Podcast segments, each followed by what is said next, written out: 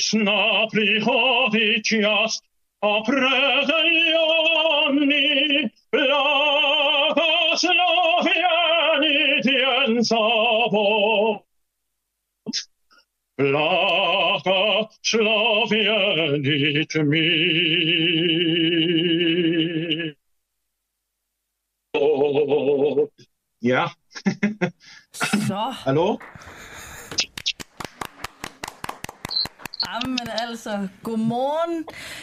Adam Fransen, dansk operasanger. Jamen, godmorgen. Godmorgen, og godmorgen til ja. jer derude, der lytter med. Jeg håber, at øh, I blev vækket lige så godt og grundigt, som vi gjorde af den her... Øh, var det P2? Det kan være, at jeg sidder sådan og skruede på ja, Det var da utroligt. Hvad, hvad foregår der her på den uafhængige her Fantastisk. til morgen? Adam Fransen, du er øh, dansk operasanger. Øh, hvad har du lige sunget for os? Jeg har lige sunget uh, Kudar Kudar-arien fra Tchaikovskis øh, opera Evgeny Onegin, som er øh, øh, skrevet over en Pushkin-roman, som jo er et øh, nationalklenodie, et russisk nationalklenodie. Det omhandler eller det er øh, hovedpersonen Lenski, som, eller ikke, faktisk ikke hovedpersonen, men øh, han sidder og, og er ved at øh, skulle duellere med sin bedste ven. Så han øh, øh, lamenterer ligesom og reminiscerer, og han siger, hvor, hvor er du blevet af, o mit forårs skyldne dage? Hvad har den kommende dag vente for mig? Øh, det undslipper mine øjne, det er skjult. Vil jeg falde for den dødbringende pil, eller vil den gå forbi mig? Så meget desto bedre er der et forudbestemt tidspunkt for livet og for søvnen. Velsignet er en dag med enkle opgaver, og velsignet er trængslernes dag. Så man kan ligesom sige, den indkapsler ligesom den der melankoli, som russerne også godt kan lide livet, døden og ligesom øh, og en, en æresfølelse, at øh, man kan sige, man kan drage en parallel til krig i den forstand, mm. at det er to parter, som egentlig er øh, brødrene parter, eller hvad man skal sige, det er, det er venner, der bekriger hinanden. Øh, og hvorfor? For, på grund af, at deres ære er blevet krænket, eller hvad man skal sige. Ja, og grunden til, at du synger her til morgen, det er jo fordi, at ifølge det britiske forsvarsministerium, så vil Ruslands regering sende operasanger, musikere og andre øh, kunstnere til fronten i Ukraine. Ikke øh, for at kæmpe med, men i et forsøg på at højne deres moral blandt de russiske soldater. Ja, præcis. Gør det for... Altså, nu er den jo på russisk, eller, så jeg forstår ikke det, du synger, men, men hvordan øh, Hvordan forhøjer den deres moral, det du lige har sunget? Hvis nu, sang, nu valgte jeg noget, som også ligesom kunne pege tilbage på krigen osv., mm. men i forhold til, hvordan det ville højne deres moral, så er operaen en del af den nationale identitet i Rusland, meget mere end den er i eksempelvis Danmark, selvom den først kom ind i det 18. århundrede, men det er jo ligesom noget, der den spiller på nationalfølelserne, og, den, og de øh, forholder sig til de største nationale helte i forhold til, den, øh, til litteraturen osv. Så, videre. så øh, men vil det, vil det højne moralen? Det er svært at sige. Uh, man kan sige, at de sender måske en operasanger ud, og så bare synger en, en nationalsang, eller jeg, jeg ved ikke, hvad deres formål er, men, uh, men det er jo noget, man også gjorde i Vietnamkrigen og så videre fra USA's side, hvor man sendte, uh, sendte Playboy Bunnies og, og, uh, og, og rockbands og popbands og så videre til, uh, ud til soldaterne for ligesom at, at løfte stemningen, og man kan sige, musik løfter vel altid stemningen, men det er starte at tage noget, som ligesom er skabt for at hylde livet, og så mm. sætte det i en, en, en, en ramme, hvor, hvor, hvor det er død og ødelæggelse. Ikke? Og det, det, som du siger, Adam Fransen, det er noget, man kender fra, øh, ja, nu mine referencer går så primært til pris, øh, krigsfilm, og ikke meget længere end det, men alligevel, som du siger, man, man kender det netop fra, fra andre krige. Øh, kunne der være andre operer, der kunne... Øh, der kunne være oplagte ifølge dig at, at synge for, for russerne i forhold til deres øh, kampgejst? jeg tror, de her, der er også Prokofievs krig og fred og så videre, mm. som jo, øh, som jo omhandler øh, Napoleons krig og så videre, og, øh, og har et, et nationalt element der. Øh, men jeg, men jeg, kunne for, jeg kunne forestille mig, at han vil tage en operasanger, og så øh, bruge den der, måske og så, og så synge nationalsang eller noget i den, den, den stil. Et eller andet, sådan, der virkelig øh, ophøjer den nationale følelse. Ikke? Adam Fransen, lige her til sidst... Så inden, ja, lige til sidst, ja. inden, vi slipper der, havde du nogle betænkeligheder ved at, øh, at synge en øh, russisk opera her, her i radioen? Eller, eller kan du godt adskille øh, kunsten og, og, og krigen, han har sagt? jeg synes, man kan og bør og skal adskille, men altså, jeg kan godt se, at der, er en, der kan være en problematik, hvis nu man siger, at det forhærliger øh, nuværende regime. Så jeg synes ikke, man skal sende øh, operasanger. Jeg vil også selv prøve, at, altså, hvis jeg selv satte mig i den situation, og jeg var blevet bedt om at øh, blive sendt til fronten for at synge, så vil jeg nok prøve at komme ud af landet. Mm. Det ved jeg også, der er mange sanger og musikere, der allerede har gjort, mm. også i frygt for at, at blive indkaldt, ikke, ikke for at synge, men for rent faktisk at kæmpe. Ikke? Ja. Adam Fransen, på tak fordi du var med til at give os en eventyrlig og, og meget, meget smuk start på, på den her morgen, og, øh, og diskutere lidt det her med, med kunst og kultur rent faktisk øh, forrest i, øh, i krigen. Tak for det, og, og god dag til dig. Ja, selv tak. Og i lige måde. Tak skal du have, Adam Fransen. Så kan vi lige fortælle, Karoline, at ifølge russiske medier, så øh, har de jo simpelthen lavet to nye øh, brigader, mm. hvor der blandt andet er de her operasanger og skuespillere og cirkusartister også. Øh, også noget, jeg tror, de står stærkt i Rusland. De skal også være med til at sætte ja. gang i deres kampkast. Øh, det er ret nyt, at Ruslands uh, forsvarsministerium har opfordret uh, almindelige borgere også til at donere musikinstrumenter til de udsendte i, uh, i Ukraine. Og dermed, godmorgen. Jeg kan se, at Maja har skrevet en til os. Ah, fed jingle. det kan godt være, at vi bare skal få, øh, få producer Oliver til at uh, klippe den her ud, og så er det bare starten på, på en uafhængig morgen fra, fra nu af. Godmorgen til dig, Karoline. Kært. Godmorgen, Oliver. Tak skal du have. Øhm, vi har et uh, fremragende program i, uh, i vente. Vi har lidt et, uh, et dobbelt tema i dag, som så i virkeligheden handler om det samme, nemlig regeringsgrundlaget. Mm. Det er sådan, øh, jeg forventer ikke, at I alle sammen derude har, har læst de, øh, de 50-60 sider, som, som regeringsgrundlaget er på. Det har jeg. Øh, og jeg skal om, undskyld mig franske, love for, at der står meget. Skimmet eller læst? Læst. Jeg Sådan. to gange. Okay.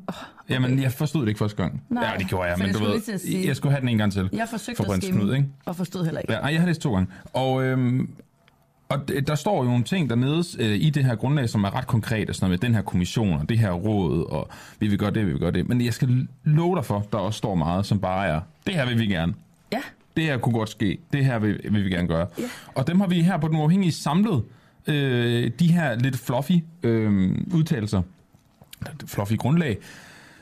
To af dem dykker vi ned i dag. Ja. Det ene, det er lukning af jobcentret, og det andet, det er øh, spørgsmål om, hvorvidt at regeringen er tykfobiske. Ja. Fordi der står jo simpelthen en, øh, en, en lille fatwa, som omhandler overvægt at det skal bare bekæmpes. Og det skal vi undersøge, om hvorvidt det er øh, rent faktisk er tyfobisk eller ej. Det gør vi i, øh, i time 2. Men, men det andet tema, det er altså det her med, med jobcenteren. Der vil vi rigtig gerne have dig med derude. Der er flere, der også skriver godmorgen. Kan jeg se godmorgen til jer.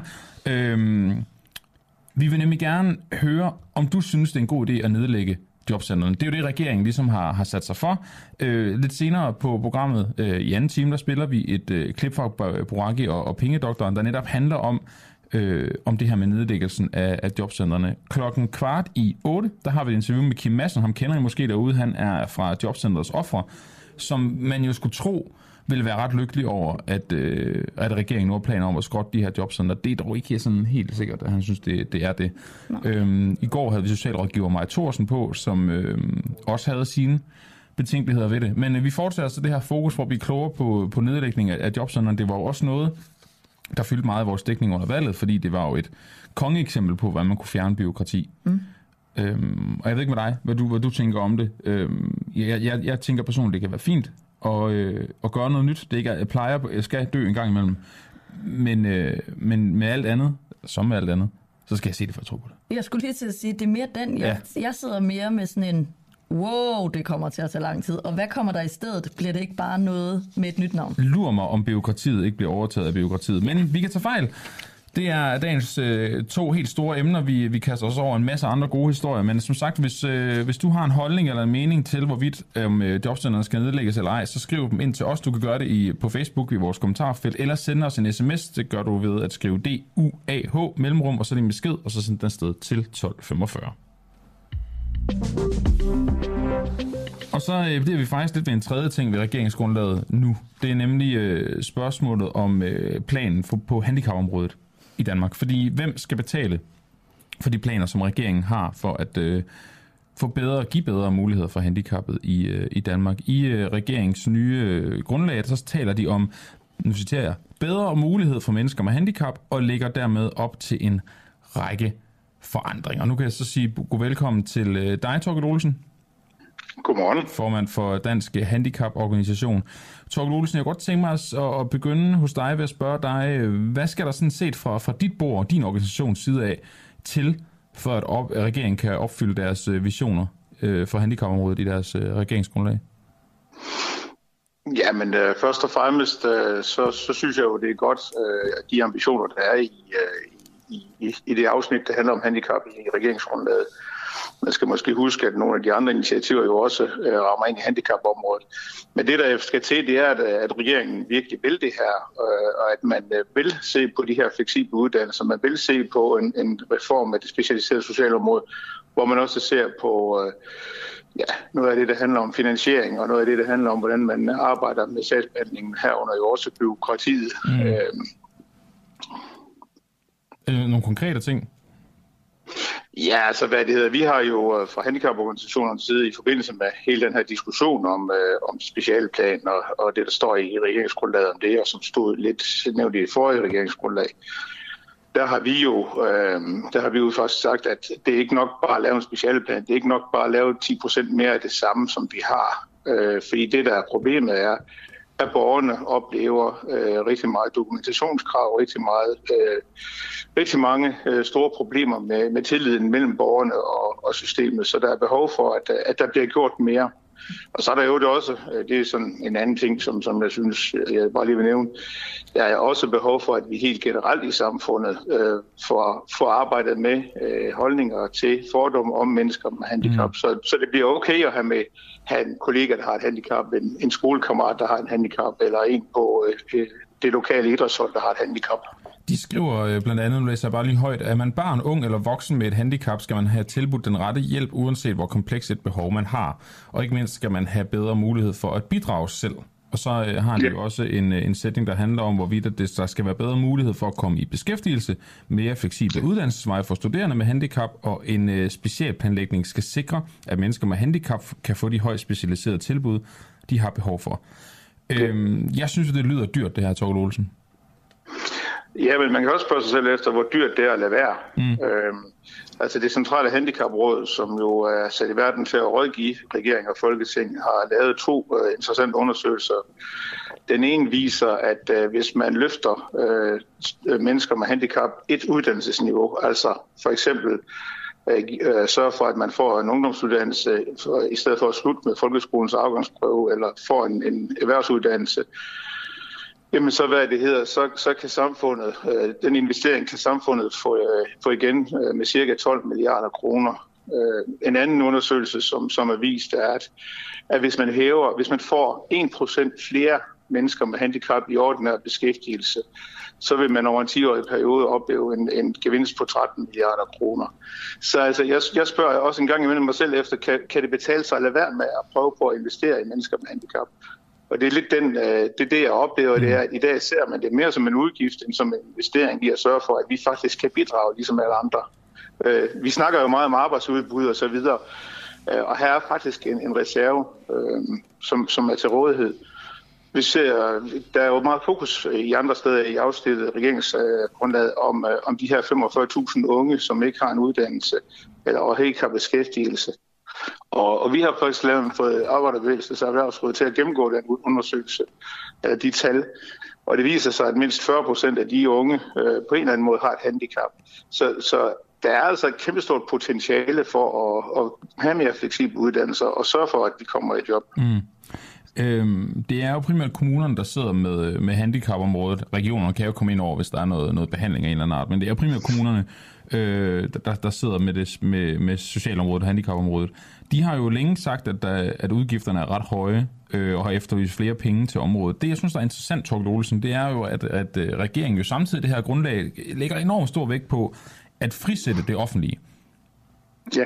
Det, øh, det kunne man jo godt læse som værende, at øh, nu må kommunerne øh, selv ligesom øh, sætte deres egen rammer for, hvordan de vil øh, bruge pengene, og dermed også, hvordan de skal bruges på, på, på handicapområdet. Kan kommunerne gennemføre øh, de planer, som regeringen siger, og også noget af det, du nævner her, øh, ved, ved en frisættelse alene?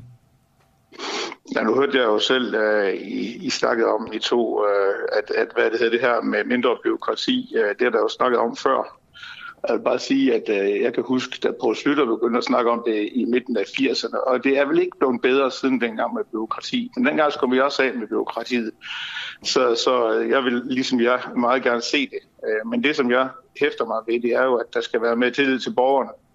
Og det tror jeg i virkeligheden er noget af det, der er behov for her. Mm. Det kan godt være, at frisættelse kan gøre noget, men frisættelsen må jo betyde, at der er tillid til, at borgerne faktisk ikke beder om mere, end de har behov for. Og så tænker jeg, at, at jeg kunne godt tænke mig bare at lige at sige, at der lige er kommet en undersøgelse i, øh, i, øh, i NB Økonomi, som er et, et niche-medie, som arbejder meget med kommunernes forhold. Øh, og de har jo lavet en undersøgelse, hvor det viser sig, at, øh, at udgifterne på det specialiserede socialområde, som handicapområdet jo hører under, samlet set ikke er steget med, med, med mere end 0,4 procent øh, fra 2018 til 2021. Så det vil sige, altså det udgør stadigvæk øh, under 20 procent af de samlede udgifter, som kommunerne har. Så hvad det hedder, så, så jeg tænker, at den der, øh, den der ting, som kommunerne har fået plantet om, at det er så kæmpe dyrt, og det tager penge fra de andre områder, skal man måske spise et kilo salt til ved siden af. Okay, kilo alligevel. Øhm, læser du den her frisættelse af det offentlige som værende netop det, at kommunerne selv skal klare problemet, og ikke skal, skal regne med, at staten kommer og hjælper? Nej, det gør jeg ikke, men jeg læser det som om, at kommunerne øh, skal, hvad det hedder, måske skal i første omgang i hvert fald frisættes på ældreområdet. Det bliver jo spændende at følge, hvordan det kommer til at foregå. Mm. Øh, øh, jeg kan, jeg kan godt forestille mig, at der, der ikke skal være ret mange else-sager, før øh, den frisættelse bliver inddæmmet med noget nyt byråkrati. Øh, så hvad det hedder så, så det er en side, jeg tror ikke, jeg tror ikke, at det kommer til at kan betale øh, alle udgifterne øh, til, til de øh, indsatser, der skal laves for børn og unge. Ikke kun med handicap, men i det hele taget øh, i kommunerne. Hvis vi fokuserer så, på handicappet, Torge, handicappet øh, Torge Olsen, hvad, hvad kommer det så til at koste, det, det, det der mangler lige nu? Jamen det er der jo ikke nogen, der ved. Øh, der er ikke nogen, der ved, hvad det koster, fordi der er ikke nogen, der har lavet den her investeringsanalyse, der siger, jamen hvad er det, der skal investeres, og hvad får vi tilbage for det. Man har kun, øh, hvis man overhovedet har gjort noget, set på, hvad det eventuelt kan komme til at koste. Men øh, ligesom når vi snakker om store bedre... Hvad er det beløb? Hvad det eventuelt ingen, ingen anelse. Jeg har ingen anelse om det, det er der ikke nogen, der har. Nå. Er det ikke lidt dårligt? Det kan du sige, øh, men det er jo et udtryk for, at der, at, øh, at der på socialområdet helt generelt, det er ikke kun på handicapområdet, men på social, socialområdet helt generelt, er der jo ikke nogen, der har nogen ordentlige tal. Øh, og det er, det er et kæmpe stort problem, som, som nogen også bør gøre noget ved. Er, men det vil så ikke medføre noget byråkrati. Hos, hos Danske Handicaporganisationer og, og, og få undersøgt, hvad, hvad det rent faktisk vil koste at lave de her forbedringer? Det har vi jo ikke. Øh, de, de, de har jo den regnemaskine, som kommunerne har, eller som øh, Finansministeriet har, desværre. Nej. Men vi kunne godt tænke os at have den. Ja, jeg kan godt forstå. Øhm, fordi det, det næste spørgsmål er, er, jo op, er jo oplagt i forhold til, hvor, hvor pengene så skal findes henne, fordi jeg er jo ikke gætter på, at der bare ligger ekstra antal milliarder ude i kommunerne til at kunne, kunne bruge til det her, men det har du så nok heller ikke noget svar på. Det har jeg jo ikke alene øh, af den grund, at, at kommunerne kan jo ikke løse, altså det har vi jo, øh, det har vi jo set, kan jo ikke løse hele verdens problemer, uden at de får noget hjælp fra staten. Og mm. staten er jo lige nu, og det vil sige Folketinget og, og regeringen er jo lige nu ikke særlig villige til at hjælpe dem. De, de siger, de har andre ting at bruge pengene på. Så det er jo i virkeligheden en politisk prioritering. Vil man mm. hjælpe kommunerne med at løse deres opgave, eller vil man ikke? Øh, og der er der jo lige nu ikke nogen stemning øh, for at løse, hjælpe dem. Så det bliver, det bliver ikke løst, medmindre man øh, fra statens side, det vil sige fra regeringen og folketingets side, øh, giver kommunerne en, en hjælpende hånd. Lige her til allersidst, Torgild Olsen, det kan være, du faktisk gav mig svaret der i, øh, i, i det sidste svar der. Vi vil jo gerne gå videre med det her for at få det konkretiseret præcis, hvad er der skal ske, og hvad der skal fjernes af byråkrati og så videre, for at, øh, at der kommer flere penge til, og over også en frisættelse eventuelt af, af handicapområdet i kommunerne. Er det, er det bare socialordførende og socialministeren, vi skal gå til der, tænker du næste, eller, eller er der andre, du også vil hive fat i for at få afdækket det her område? Jeg vil øh, helt sikkert også gå til kommunerne selv, fordi noget af det her skyldes jo også, øh, at kommunerne selv har lavet nogle regler, øh, som, som i hvert fald ikke afbiokratiserer. Mm. Det har de jo selv vist på på ældreområdet, og det gælder også på handicapområdet. Der findes enormt mange skufferegler ude i kommunerne, som ikke gør det billigere. Så jeg vil gå til både til Socialministeren og til, til Folketinget men jeg vil altså også øh, gå, til, øh, gå til kommunerne og sige, hvis I skal frisætte, så bliver jeg altså også nødt til at frisætte jer selv. Det er et interview, jeg gerne vil høre her på Den Uafhængige. Et interview om skufferegler i kommunerne, når det kommer til handicappet. Det lyder fremragende. Torgild Olsen, tak fordi du var med her til morgen for at sætte ord på, hvordan I ser på det fra Dansk Handicap-organisationer. Og, øh, og god morgen til dig. Tak lige måde. Inden øh, du går videre, Karoline, jeg ved, at vi skal til en decideret magisk historie. Ja, det skal øh, vi lige om to sekunder. Ja, det, og det jeg glæder mig også til det, og du skal nok få lov. Men øh, vi har jo øh, spurgt lytterne derude, hvad de tænker om, øh, om den her nedlæggelse af jobcentrene. Ja. Øh, god idé, dårlig idé, hvad, hvad synes du? Øh, Stefan har skrevet ind til os, at jobcentrene er en katastrofe, både menneskeligt og økonomisk. Og Bettina har så skrevet, at angående jobcentrene, så burde de lave testkommuner allerede nu. Vi kan jo tage det med senere. Ja, det, det kan vi helt sikkert. Og, og Bettina har jo en sjov pointe, for det har jo været en klassisk måde øh, på, hvad skal man sige, nu siger jeg, at forhale eller forsinke øh, store beslutninger. Det har mm. været ved at sige, den her kommune kan lige få lov. Ja, for og eksempel man, sådan noget med frikommuner. Så er der lige nogen, der får lov. Jeg skal lige så sige, det er jo et eksempel på, at der har man jo vurderet, det fungerer meget godt. Ja. Der satte man øh, i enkelte områder, i enkelte kommuner, tror der var nogle i Nordsjælland, der fik ældreområdet ja, faktisk. Ja, noget Helsingør, Præcis. Noget, der fik noget. Øhm, så fik de jo netop at vide, øh, det kan I gøre, som I vil. Og, og de erfaringer tog man mm. så videre til, nu skal alle bare sættes fri. Ikke? Ja. Øhm, men det er jo ikke, det tyder jo ikke på, som Bettina der foreslår, man har valgt at gøre det med, med jobcenteren. Der har man simpelthen bare sagt med det samme, det er noget lort. Ja. Det skal lukkes. Jeg har i hvert fald ikke hørt, at der er lavet Det kan man have sagt, det er noget lort. Men derhen af. Øhm, Nå, men det er interessant. Der er plads til flere input. I kan skrive i kommentarfeltet på vores øh, Facebook-stream, eller sende en sms til os. I skriver DUAH, mellemord din besked, og sender afsted 1245. Hvis du har en holdning, du synes, der er værd at dele med os, det er jeg sikker på, at du synes, du har, angående jobcenterne, om de skal lukkes eller ej. Mm. Og nu skal vi altså snakke om noget helt, helt andet. Vi skal snakke om en kæmpe stor bunk. Altså en bunkepinde. Ja. ja. Altså dem, der pinden ud i skoven. Øhm, fordi i Hydeskov på Lolland, der ligger der en kæmpe bunke pinde. Og det er muligvis den aller sidste bunke, som man også kalder en stikhok. I Danmark, det er et elgammelt fænomen, og mere kan jeg ikke sige om den, men Nej. det kan du til gengæld, Marie Brink. Godmorgen. Godmorgen. Du er museumsinspektør og arkeolog på Museum Lolland Falster. Kan du lige, Marie, prøve at beskrive en stikhok? Jo, Jamen, du har faktisk beskrevet den meget godt. Det er en det kæmpe stor bunke pinde. Grene. ja, øh, det er, den, øh, de kan være meget store. Øh, de, øh, den her i Hydeskov, den er måske 2,5-3 meter høj og 3-5 meter lang.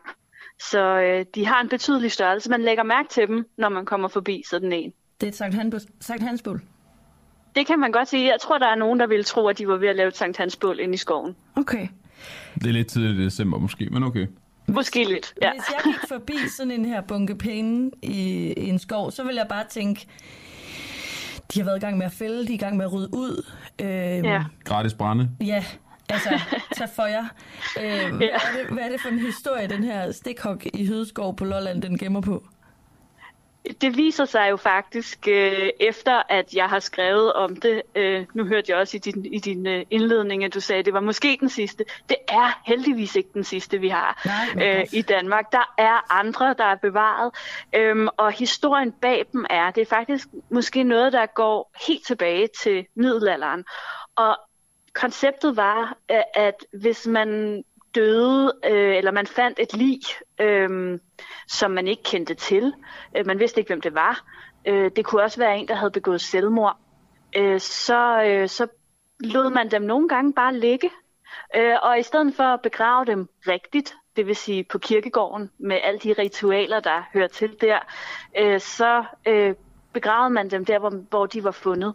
Og for at undgå, at øh, de døde så gik igen, så øh, kastede man grene øh, hen over det her sted, hvor den døde så var begravet. For i en eller anden måde måske at forhindre, at, øh, at det her spøgelse kunne trænge op igennem jorden og følge efter folk. Hold op. Det er det mest middelalderagtige, jeg nogensinde har hørt. Men det minder jo ja. faktisk lidt om der, øh, ligesom på stranden, eller hvis man er oppe i bjergene, hvor man lægger sten oven på hinanden. Det er så for at mindes, ja. men altså, Ja, Nå ja. der Jamen, bygger man også og det er noget. faktisk Ja, og det er faktisk heller ikke helt forkert, fordi altså, øhm, nu her, den, der, dem, dem, der ligger på Lolland, øh, de hedder Stikhok, øh, som du også selv nævnte. Det er sådan en særlig, det er sådan et særligt lollandsk navn, eller falstersk navn. Øhm, andre steder, så hedder de for eksempel grenkast, eller riskast. Øhm, men man kan faktisk også godt finde dem som stenbunker. Øh, så, så, så det har ikke været så afgørende, hvad det var, man kastede med, åbenbart, som at øh, bare det, at man ligesom har dækket det her område til, at det har været et, et plettet sted, et urent sted, som man har ville øh, forhindre, øh, at, at ondskaben og hvad der nu ellers har været, øh, sivet ud i øh, blandt de levende. Og du, øh, Marie, vil jo så gerne have, at vi beholder den stikhok, der er i, i, i Hydeskov. Den er cirka 150 år gammel. Den er sandsynligvis 400 år gammel. Det er jo et kæmpe spænd. Ja. Kan du lige ord på, hvorfor vi er så meget tvivl om, hvor gammel den er? Jamen, det er fordi, altså, der er aldrig nogen, der har dateret den, og det er nok også meget svært, fordi altså, den har jo... Ja, øh, hjælper ikke her, tror jeg. Nej, det gør det ikke, fordi den bliver jo bevaret ved, at folk bliver ved med at kaste grene på den øh, den dag i dag.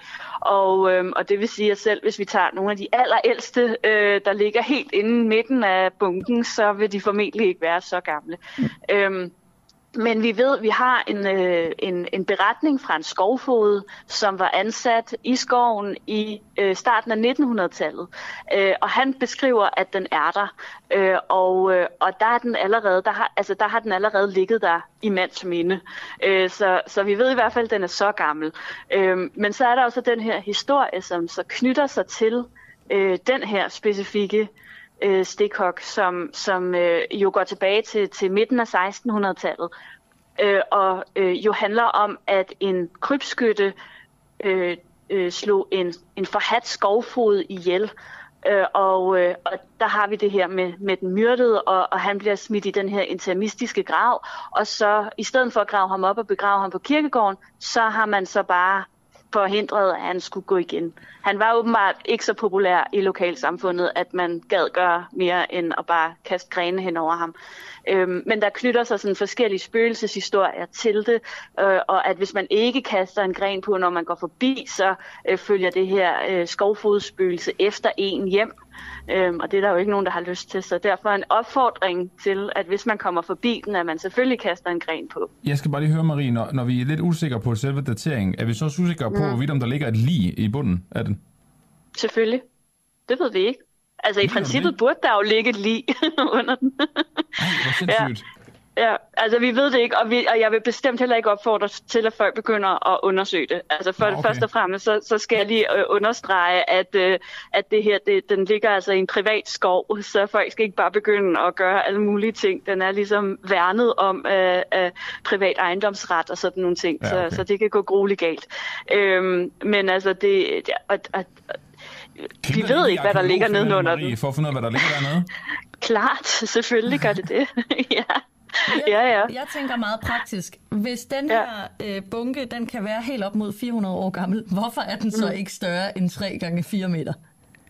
Øhm, jamen, jeg tror, nu er jeg jo ikke, øh, nu er jeg jo ikke sådan en naturperson, øh, person, øh, men, men altså, de, grenene, der, altså de formulder jo efterhånden, så den synker. Nå. Øh, og, så, øh, og, så, og så bliver der jo bare kastet nye grene på. Mm. Øh, og, og, og jeg ved heller ikke, altså det, det kan man jo undersøge, om, om den, den bliver større og mindre sådan øh, hen over øh, nogle perioder. Mm. Jeg, har, jeg har set efterfølgende, har jeg set billeder af en, øh, en anden øh, tilsvarende øh, stikhok, som så hedder grenkast, som ligger i en skov oppe i Vendsyssel, øh, og den er væsentligt mindre end vores. Øh, men den har dog en diameter på cirka 3 meter, så, så den, er, den er ikke så høj, men den er, den er til gengæld ret omfangsrig også. Så, øh, så de, de er lidt forskellige former. Marie, vi skal, vi skal til at videre nu. Vi har ikke så meget Ja. tid, og jeg vil egentlig gerne slutte af med at stille dig spørgsmålet med, at nu går vi ind i en juleferie, hvor folk ikke aner, hvad de skal lave, og man går mok over ens familie efter, efter to dage under samtag. Så vil jeg spørge dig, om man kan gå ud og starte sin egen stikhok, men det, da jeg så kom til at tænke det, så kunne jeg godt mærke, at det kræver så også, at man har et lig, man kan lægge under, så det kan godt være, det er en dum idé, eller hvad? Det kan, godt, det kan godt være, at hvis vi pludselig efter julen 22 begynder at se en masse stikhokke rundt omkring ja. i, øh, i danske skove, at politiet måske lige skal ind over, Ja, ja. om der er noget julefejring, der er gået kørt lidt af sporet. Ja, det var ikke en Øhm, opfordring, lad os sige det. herfra. Det var ikke en opfordring. Ikke fra min side. Den er helt på egen regning. Marie Brink på, tak fordi du var med til at uh, forklare os omkring det her stikhogge, øhm, og, og god morgen og jul til dig, ikke? tak og i lige måde. Tak skal du have. Hej. Sgu interessant. Så fik vi også hørt lidt om grene Vi, til jeg synes lige, vi skal sige, Marie nævnte det lige kort, men vi, bare lige for sådan at slå fast, hvor magisk en stikhok egentlig er. Ikke? En stikhok er en magisk øh, bunke grene, som værner mod ulykker og ondskab. Alle, der passerer den, skal kaste en pind på bunken, ellers så risikerer man alskens ulykker. Det er så medieval, som det kan blive. Det er også lidt hekseagtigt. Jamen, det er det. Ja, Altså- jamen, så ligger der lige nedenunder. Det synes jeg godt nok er lidt Sindssygt, voldsomt. hvis der gør det. Vi, øh, vi bevæger os stille og roligt videre, og det gør vi til, at øh, vi skal tale om, øh, om Putin og, øh, og Hviderusland, eller Belarus, som man, man siger nu. Vi har et par, et par tekster omkring, hvad der foregår i Ukraine. Blandt andet et meget, meget spændende et til sidst i programmet. Det er det aller sidste interview i dag, det er med Mathilde Kimmer. Ja. Som jo øh, simpelthen fik øh, at vide, i, eller fast, hvad hedder det, slået fast i går, at du må, hun må ikke bedrive journalistik i Ukraine, Nej. fordi hun er pro-russisk. Du må opholde dig Ja. Her i landet i Ukraine, men du må ikke arbejde. En besked, hun fik tilbage i august, og så har der været sådan et langt forhandlingsforløb, og der har været nogle møder og sådan noget, men den bliver altså, jeg ved ikke, om man siger stadfæstet, for jeg tror ikke, det er, fordi der har været en dommer ind over, men derhen af, øhm, altså sådan er det bare. Ja. Det er jo en helt vild historie. Nu må hun Øhm, hverken være i Rusland eller Ukraine. vi skal selvfølgelig undersøge her i radioen, om, Mathilde Kimmer rent faktisk er russisk spion. For det er noget af det, de blandt andet er bange for i Ukraine. Nå, men vi starter et andet sted. Det gør vi nemlig hos dig, Jonathan Schachte. Halling, godmorgen.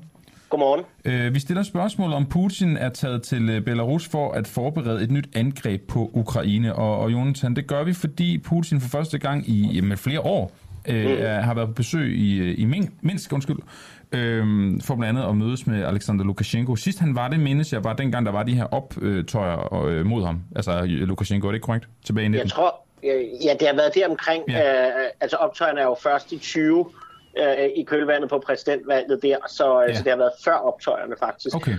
Og det er jo, at de mødes jo hele tiden, de her to herrer, øh, bare øh, 13 gange de sidste øh, to år.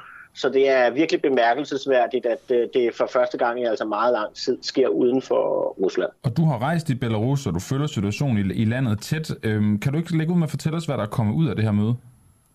Ja, umiddelbart ser det ikke ud til, at der er kommet ret meget andet konkret ud af det, end, end øh, at øh, Belarus er blevet lovet, at de får en kosmonaut i rummet med det russiske rumprogram. Øh, ellers lyder det som gamle, øh, hedder sådan noget, gammel vin på nye flasker. Mm. Altså endnu en gang snakker de om opstillingen af de her øh, S-400 og Iskander-systemer i, i Belarus. De taler om at lave en forsvarszone, øh, uden at det er blevet gjort endnu. De taler om at dele militært øh, udstyr, og det gør de allerede. Der har været masser af dokumentation på, at øh, belarusisk udstyr er gået til, til Rusland for at deltage i, i deres krig.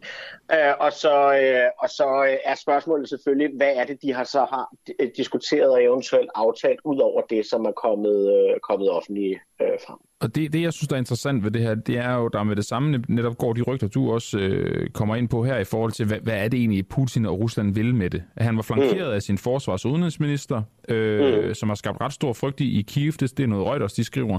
Øhm, og, og, og, og frygten er jo så netop det her med, at man ligesom vil lave en ny offensiv fra de belarusiske grænser.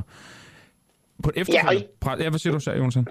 Jamen altså, det er helt klart det, der er, er overvejelsen, og det er også derfor, jeg siger, hvis det, hvis det er det, de har aftalt, så er det i hvert fald ikke noget, de har sagt øh, direkte. Og man skal også huske, at, at mens Putin har en meget stærk interesse for en direkte belarusisk øh, krigsdeltagelse, så har Lukashenko altså ikke den samme interesse. Krigen er voldsomt populær i hans baghave, øh, voldsomt upopulær, undskyld, ja. i hans baghave, øh, og han kan frygte, at hans regime falder fra hinanden, hvis han kalder Belarus, kaster mm. belarusiske styrker ind i, øh, ind i krigen.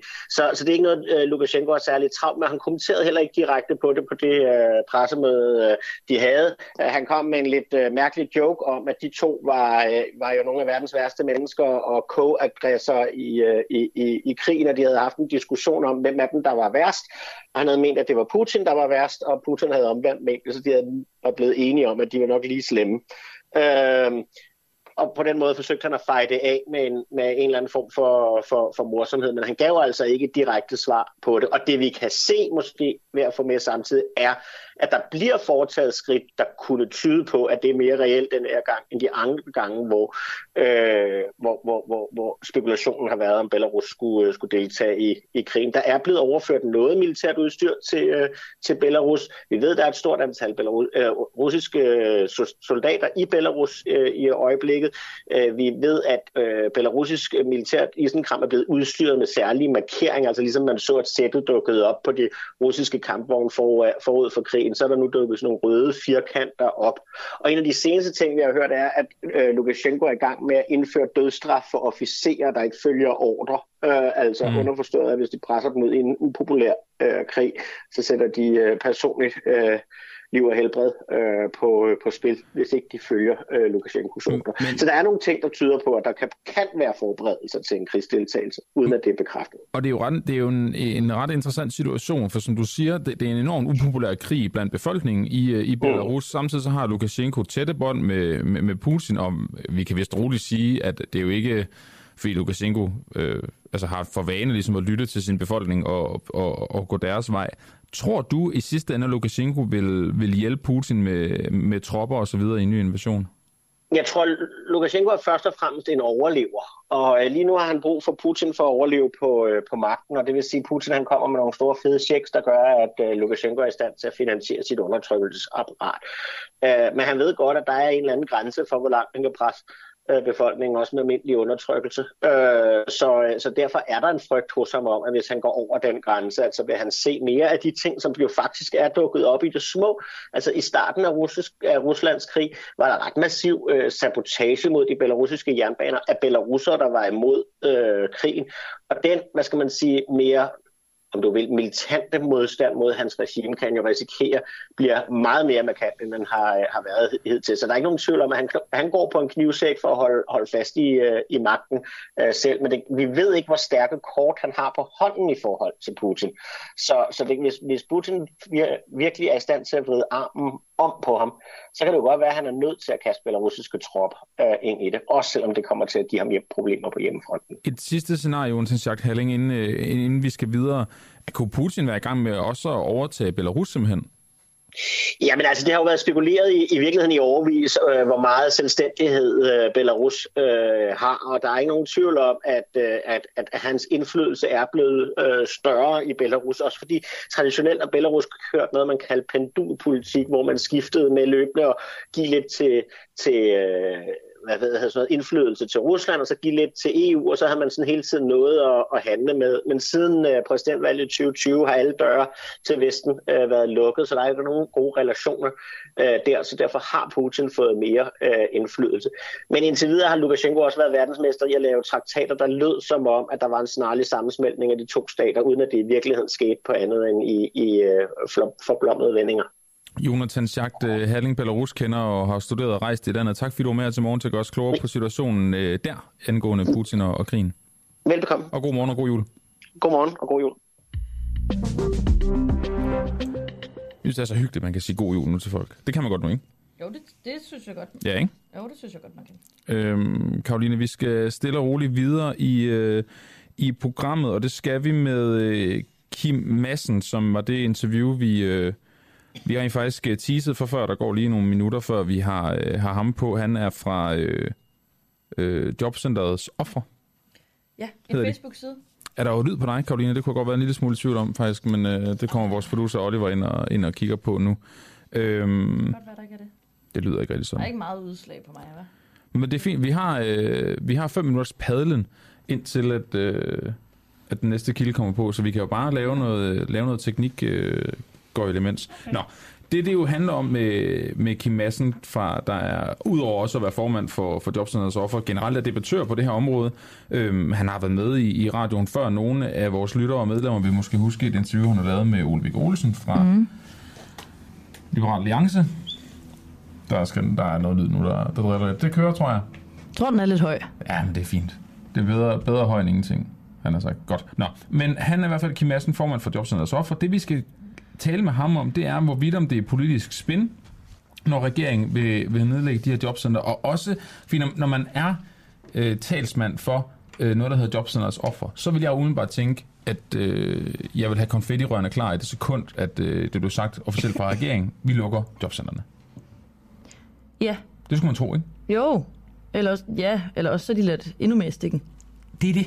Det er nemlig det, der er ret interessant. Det er, hvorvidt om Kim Madsen så tænker, at øh, om der overhovedet findes en løsning mm. på problemet, eller han måske har, det kunne man også godt forestille sig måske, når man øh, har den titel, han har for Jobcenterets offer, at de bare bliver placeret i et nyt system. Ja. Simpelthen bare og er... Øh, bliver, bliver ladt i stikken, som du selv siger, Karoline, et andet sted. Nå, vi har jo spurgt jer, der øh, lytter med derude, hvad I tænker om jobcenteret. Der er kommet en... Øh, En lang sms fra Frej. Ved du hvad, den læste jeg lige højt. Ja. Det er Frej, der skriver til os, jobcentret er blot symptomet på, hvad regeringen og Folketinget elsker. En centraliseret styring, regulering og øh, regimentering af borgernes liv fra vugge til grav. De laver en kamp mod det, der er et resultat af deres egne værdier. Byråkratiet er DNA'et i deres politik. Luk jobcentrene, men fjerner blot systemet. Årsagen er dem selv, og vi har lige set, hvad man vil gøre for at beholde eller få magt. Politikernes og det demokratiske velfærdslivssyn er årsagen. Frej, uden at lægge ord i munden på dig, så lyder det som, du har en gedin omgang politikerlede, og det kan man måske, øhm, måske godt forstå. Øhm, jeg vil jo sige, det der med centralisering, vi har jo faktisk haft en regering, synes jeg, der har arbejdet på det modsatte. Mm. Udflyt, vi har haft to regeringer. Udflytning af statslige arbejdspladser, udflytning af uddannelsessteder, et stort fokus på det her land versus by, hvor land har fået øh, langt højere vægt, og er blevet vægtet langt vigtigere ja. end, øh, end by. Der kan man så sige til Frejs argument, det har faktisk ændret sig en lille smule, det her regerings, regeringsgrundlag. Der er jo faktisk nogle af de her udflytninger, der bliver tilbagerullet, og der er et fokus på, at der er visse uddannelsestyper, der ikke skal udflyttes. De skal blive i de store byer, blandt andet sådan noget som øh, jamen, socialuddannelser og øh, erhvervsuddannelser osv. Mm. Øhm, fordi jeg tror, man har vurderet, at der er et behov for, at de uddannelsestilbud er der, hvor der er mange mennesker, fordi vi har behov for arbejdskraften. Ja. Præcis. Øhm, så der er selvfølgelig en pointe i det her, Frej siger med centralisering. Spørgsmålet er jo så, hvordan jobcenterne, de har jo ligget ude i kommunerne, hvordan man så ligesom vil, vil skrue det sammen fremadrettet. Jeg er, øhm, jeg er meget spændt på, hvordan, øh, hvordan Kim Madsen han ser på det her. Det må jeg bare sige. Ja, Skal jeg lige læse I- det op for, hvad der står i regeringsgrundlaget? ja, det, øh, det kan du da godt. Nytænke og reformere beskæftigelsesindsatsen, så udgifterne hertil reduceres med 3 milliarder kroner i 2030. Det skal ske ved at nedlægge jobcentrene, sætte kommunerne fri af statslige proceskrav og prioritere de indsatser, der hjælper ledige tættere på arbejdsmarkedet. Det er også, altså det er nemt at skrive, ikke? Jo, for fanden. Det er helt vildt nemt.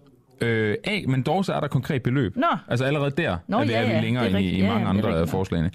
A-kasser og private leverandører skal spille en større rolle i indsatsen for dem, øh, der kun i kort periode står uden arbejde, uden at det svækker tilknyttelsen til job. Og der tror man går ind og vurderer, at der er nogen, der er øh, stærke, at er jo et lavet ord, men der er nogen, der øh, er hurtigere og bedre måske til at finde et nyt job, hvis de mister det end andre.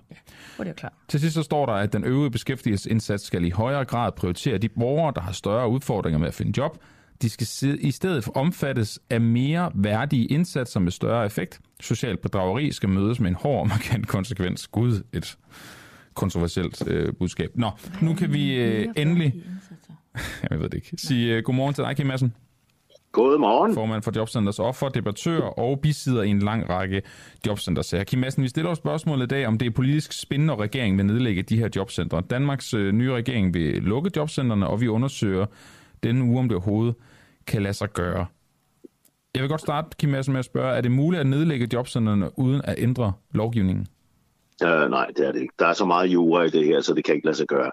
Det, man, man, man, altså det, er, det er jo vælgerbluff, det man har været ude og fortælle, at man vil lukke jobcentrene, for det kan simpelthen bare ikke lade sig gøre. Det, det jeg tror, der kommer til at ske, det er, at øh, du ved, ligesom når togene, de, de, de, kommer, de kører aldrig til tiden. Og, og så tror man, at ved at så sætte et nyt navn på siden af toget i stedet for DSB, så kommer togene til at køre til tiden. Det er det samme, der kommer til at ske i jobcentre. Men man vil forsøge at signalere, at man lukker jobcenterne, man piller jobcenterskiltet ned, og så kalder man det noget andet. Men man sidder stadigvæk med, inden for de, med de samme økonomiske rammer, de samme langsomme sagsbehandlere, den samme rigide lovgivning. Uh, det foregår bare nu i, i, med, med blå sofaer i stedet for politigrønne sofaer, og så et nyt skilt på døren. Men, men uh, de indvendige rammer, det er de samme. Man kan ikke ændre på det her. Det hvor, er fuldstændig umuligt. Jamen, øh, jeg har jo talt med, med, med flere politikere, og så har jeg fulgt debatten og set, hvad de forskellige politikere har skrevet, at det kan ikke lade sig gøre at, at lukke job, jobcenter, uden at man samtidig implementerer en ny lovgivning, som passer til det nye jobcenter. Der kan man ikke bruge den gamle lovgivning. Og man kan sige et eller andet sted, jeg har jo fundet ud af, sammen med en masse private socialrådgiver, blandt andet Maja Thorsen, jeg med i går, ikke? Mm. At, at, at lovgivningen, den, nu virker den. Og nu sprøjter vi førtidspensioner ud. Alle os, som går ud og hjælper de syge borgere. Vi sprøjter førtidspensioner ud i samfundet. Øhm, og, og det kan man sige, det, det gør vi jo ikke bare fordi vi er os. Men øh, der er jo ikke nogen, der får en førtidspension, bare fordi de kender os. Men de får en førtidspension, fordi de er syge nok til at få en førtidspension. Øhm, så, så at nu virker lovgivningen, men nu går det for hurtigt, tror jeg, at regeringen synes. Og det skal vi selvfølgelig have lukket ned fordi det her vil komme til, til at koste samfundet rigtig, rigtig mange penge. Så nu laver vi en forhalingsmanøvre, sådan så at de der jobcenter, der i forvejen har vejet 10, 20, 30, 40 år, at dem kan vi måske lige forhale fem år mere ved at så omlægge jobcentret til noget andet. Men, men Kim Madsen, hvem er det, du siger, der har, har sagt det her? At det ikke kan Nå, lade sig jeg, gøre? Jamen, jeg, jeg, jeg, jeg kan ikke øh, huske det, men jeg, jeg ved da, at Troels Christian Jacobsen fra Alternativet, som nu sidder i kommunalbestyrelsen i København, jeg lavede et opslag om, at, at, at jeg ikke øh, mente, at det kunne lade sig gøre på grund af jura. Han, mm. han støttede op om det i et opslag, at det ikke kunne lade sig gøre. Men han sidder i Københavns øh, Kommune, der er, jo nogle, der er jo nogle politikere, en hel regering med et, med et flertal bag sig endda, der har sagt, at nu, nu vil de ændre det, nu vil de lave det om. Hvor, hvorfor lytter ja. du til det i stedet for en, en politiker, der sidder i Københavns Kommune? Jamen det gør jeg jo, fordi at politikeren sidder i Københavns Kommune, hvor er den kommune, som har flest syge og handicappede som med, med en sag i jobcenter.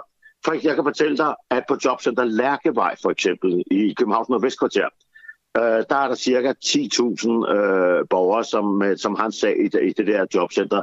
Halv, cirka 90 procent af dem, de står nu til at skal visiteres til en førtidspension. Personalet på Jobcenter Lærkevej, de sidder lige nu og bestiller stort set ikke andet end at skrive det, der hedder forberedende del til rehabiliteringsteam, et spørgeskema, øh, som udfyldes sammen med borgeren, øh, sammen med sagsbehandleren, øh, fordi at deres sager skal forelægges for rehabiliteringsteamet. 90 procent af de cirka 10.000 borgere, det er 9.000. Øh, i, jeg fik at vide forleden dag, at øh, øh i, hvad hedder det, øh, en medarbejder øh, fra Jobcenter Lærkevej, at øh, der i november måned er kommet 1800 nye sag, hvad hedder det, kontanthjælpsmodtagere øh, som ledige. Øh, hvor mange af dem, der så er syge eller raske, det ved vi jo så ikke noget om endnu. Men, men det kan ikke lade sig gøre. Det er for stort et projekt, og man kan sige, at den nye regering har jo heller ikke, øh, de har bare sagt, de vil gerne lukke jobcenter, men men de har jo ikke lagt en plan for, hvad det er, der skal ske. Så det, jeg fortæller, der kommer til at ske, det tror jeg faktisk er det eneste rigtige, fordi at vi kan se med, med den lovgivning, vi kører nu fra 2013, Føberflex-reformen, øh, det har taget, øh, det, det, inden den blev vedtaget, øh, så er der gået et par år eller tre ind i Folketinget, hvor man har arbejdet med den lovgivning. Den, kom så, den blev så øh, udført i 2013, eller med virkning fra 2013. Nu er der gået stort set 10 år, for at få indført en lovgivning, som virker. Og, og, og nu, virker, altså, øh, nu virker det. Vi ser resultater på, at det virker. Så Sådan, Kim Madsen, jeg skal bare lige høre, du, du vil ikke have lukket jobcentrene? Nej, fanden fløjt med nej. Okay. Altså, nej, fordi det vil så være en forhåndning. navn på din forening i forhold til det her jobcenters ofre? Nej, det, det er sgu da ligegyldigt. Altså, det er, Øh, Øh, det, kan vi, det kan vi for øvrigt ikke, når nu gruppen er så stor, som den er. Vi har jo snart 30.000 medlemmer, og så kan man, øh, jæv, altså, så kan man via Facebook... Altså, det, Facebook siger nej til, at vi kan ændre navn. Men, men med et behov for at have en, en, en, øh, en gruppe, en forsamling, en organisation, der hedder Jobcenters offer, det kunne tyde på, at der er noget helt galt med, med Jobcenter. Nu siger du så, at det, det er begyndt at virke stille og roligt, men, men der er vel en, en grund til, at du har kaldt det Jobcenters offer. Det har vel været, at der netop har været nogle udfordringer med det. Vi har også kunne fortælle historier om, at Københavns Kommune ikke har øh, visiteret nok i job i forhold til, hvad de skulle, osv. osv. Det er Berlingske, der har fortalt den historie i sin tid. Der har været mange sager, øh, ja. også med, med syge mennesker, der skulle igennem et meget rigidt system. Ja. Hvorfor er det, du nu siger, som formand for Jobcenterets offer, at du ikke vil have dem lukket? Det skal jeg lige forstå. Jamen, det, det er fordi, at, at nu virker det. Altså, det eneste, der ikke virker, det er beskæftigelsesindsatsen for de raske borgere. Der er indsatsen alt, alt for relevant område. Det er vel derfor, vi har den. Det er vel et rimelig relevant område. Det er vel den primære grund til, at vi har jobcenterne. Det er vel, at de skal sætte øh, ja, men, men, men, i beskæftigelse. Mette Frederiksen sagde forleden dag, der er 45.000 unge mennesker under 30 år, som hverken er under uddannelse eller i arbejde. Uh, men de har så fået lov til at gå i fred i overvis. Men tværtimod, så pisker man de 80.000 syge og handicappede. Tallene det er fra Beskæftigelsesministeriets hjemmeside. Men er det ikke netop et på, at vi skal lavet det hele om? Hvad siger du? Er det ikke netop et tegn på, at vi skal have lavet det hele om og have lukket det, der er, og så lave noget nyt, fordi det er det omvendte, man gerne vil have, ikke? Jamen, man kan sige, nu, nu virker det. Nu virker beskæftigelseslovgivningen for de 80.000 syge og handicappede. Nu virker den, men der er ikke noget, der virker for de arbejdsløse ledige, de raske ledige. Der, der er der ikke noget, der virker.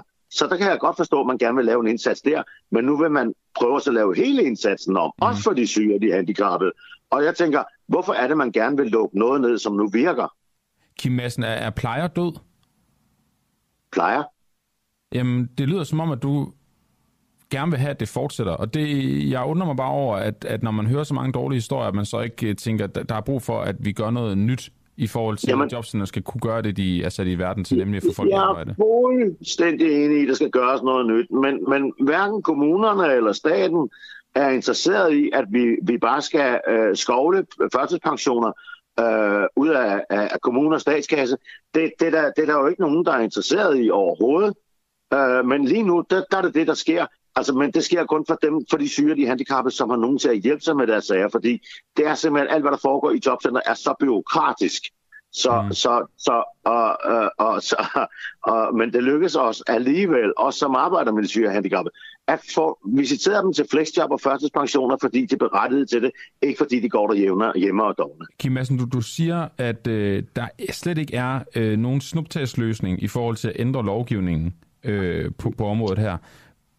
Der er jo ikke nogen, der har sagt, at det skulle være en snuptagsløsning at lukke jobcentrene og lave noget nyt. Er du ikke overdrevet pessimistisk her?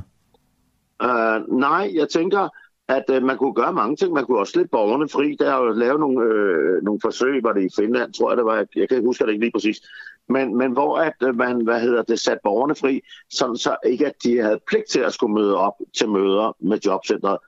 Og der fandt man så altså ud af, at, at i stedet for det der pisk, øh, som man, man gør over for borgerne i Danmark, øh, der satte man borgerne fri, og det fandt, der fandt man så ud af ved den undersøgelse, at borgerne kom lige så hurtigt i arbejde, som ved at få pisk af jobcenter. Men er det ikke de facto også en lukning af jobcentrene? Nej, man kan sige, så længe der er ledige, så kan man jo ikke lukke sådan en institution. Man kan kalde det noget andet, men man kan ikke lukke institutionen. Mm. De skriver, at de vil øge beskæftigelsesindsatsen, og den skal i højere grad prioritere de borgere, der har større udfordringer med at finde job.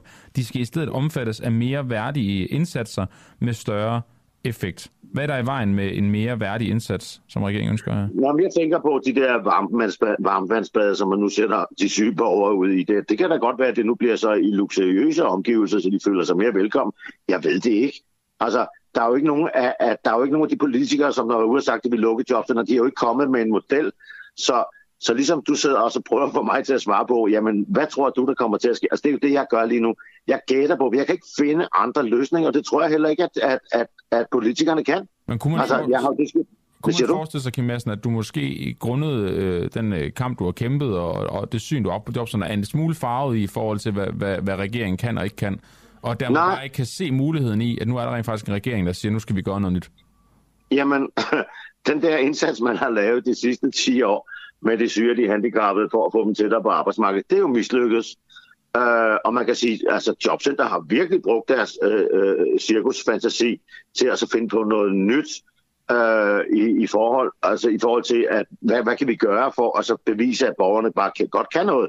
Altså vi har jo eksempler på en borger, som, som sad i sin sygeseng, som, hvor øh, hvad hedder det, Jobcenter ville aktivere manden, og så tænkte de, hov, han kan da sidde i sin seng, og så kan han teste tykkegummi. Det er bare en af de der sindssyge indsatser, for at så se, manden kunne ikke gå, han kunne dårligt bevæge sig, men han kunne bruge sine kæber til at tykke tykkegummi, så han blev tykkegummitester. Men Kim, ligesom at du siger, at regeringen de ikke har nogen model for, hvad det så skal være, så dit øh, syn, det er jo også bare negativt og sådan et, øh, jeg tror ikke på det, men du ved jo ikke, hvad modellen, hvad, hvad deres tanker er. Jamen, vi har jo afprøvet alt. Altså, simpelthen Ej, det... afprøvet alt. Hvor ved du det fra? Ja, altså, jeg er stensikker på, at man kan ikke finde på mere. Vi har ikke prøvet at lukke dem. og, og så, hvad siger du? Vi har ikke prøvet at lukke dem. Nej, men, men så hvis vi så, lad os nu sige, at vi lukker jobcenter, hvor skal man så gøre alle de syge handicappede, som, som lige nu står til at blive visiteret til en førtidspension. Men Kim Madsen, tror du reelt, at, at ved, hvis regeringen vil lave en lukning, altså ender det med, at folk bare står fuldstændig alene, tror du ikke, at de vil lave en løsning, hvor der netop er folk, der vil blive grebet af et nyt system eller et andet system? Tror du jo, helt jo, ærligt ja. på, at når, når, når regeringen siger, at vi lukker jobcentrene, så sker det overnight, og, og der kommer til at være en masse folk, der står fuldstændig alene og uden hjælp fra det offentlige? Øh, nej, selvfølgelig. Det kan man jo ikke. Men det er altså, sådan reelt frygt, du sætter, sætter ord på her? Nej, nej jamen jeg sætter ikke, jeg, nej, nej, jeg, jeg frygter ikke noget, fordi at vi har en grundlovssikker ret til, til noget overlevelseshjælp, så, så derfor så, så kan man ikke bare lige gøre det. Uh, og man kan ikke lukke det overnight. Altså det her, hvis man, hvis man ønsker at lukke jobcenter ned, og kalde det noget andet, så vil det være en flereårig proces. Altså, men lige nu, der jubler øh, Facebook-brugerne øh, over hele internettet med, ja, nu lukkes jobcenter og sådan noget der, men jeg, jeg er stensikker på, at det bliver snydt. Altså, men hvad, hvad, hvad vil den negative konsekvens være ved, at de lukker jobcenteret? Jamen, det vil være, at, at man bruger det her som en, som en forhalingsproces, sådan så, at folk, der i forvejen har gået i rigtig mange år, øh, for at blive visiteret til flexjob eller førtidspension, at de nu bliver yderligere forhalet i deres sag, fordi det tager jo tid øh, at, at omstille. Øh, altså, der skal jo nye skilte på dørene og nye sofaer i, i venteværelserne og sådan nogle ting. Øh, og, og sagsbehandlerne skal omskoles. Øh, og, og da man ikke rigtig har lavet nogle budgetrammer for det her, så vil det jo tage en årrække at finde ud af, hvordan kan vi overhovedet gøre det. Så jeg er da stensikker på, jeg er da folkepensionist inden af, af, af alt det her, det, altså inden alt det her kommer til at, at, at ske. Det, det tror jeg. Kim, vi har, uh, fået en, uh, vi har fået en sms fra en af vores lyttere, der hedder René, som skriver, uh, som en af de raske, synes jeg bestemt, det vil give mere mening at lade private og A-kasser tage nogle af opgaverne.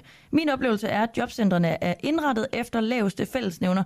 Personligt har jeg aldrig fået noget ud af en samtale på jobcentret andet end at skulle møde op på et ubelejligt tidspunkt.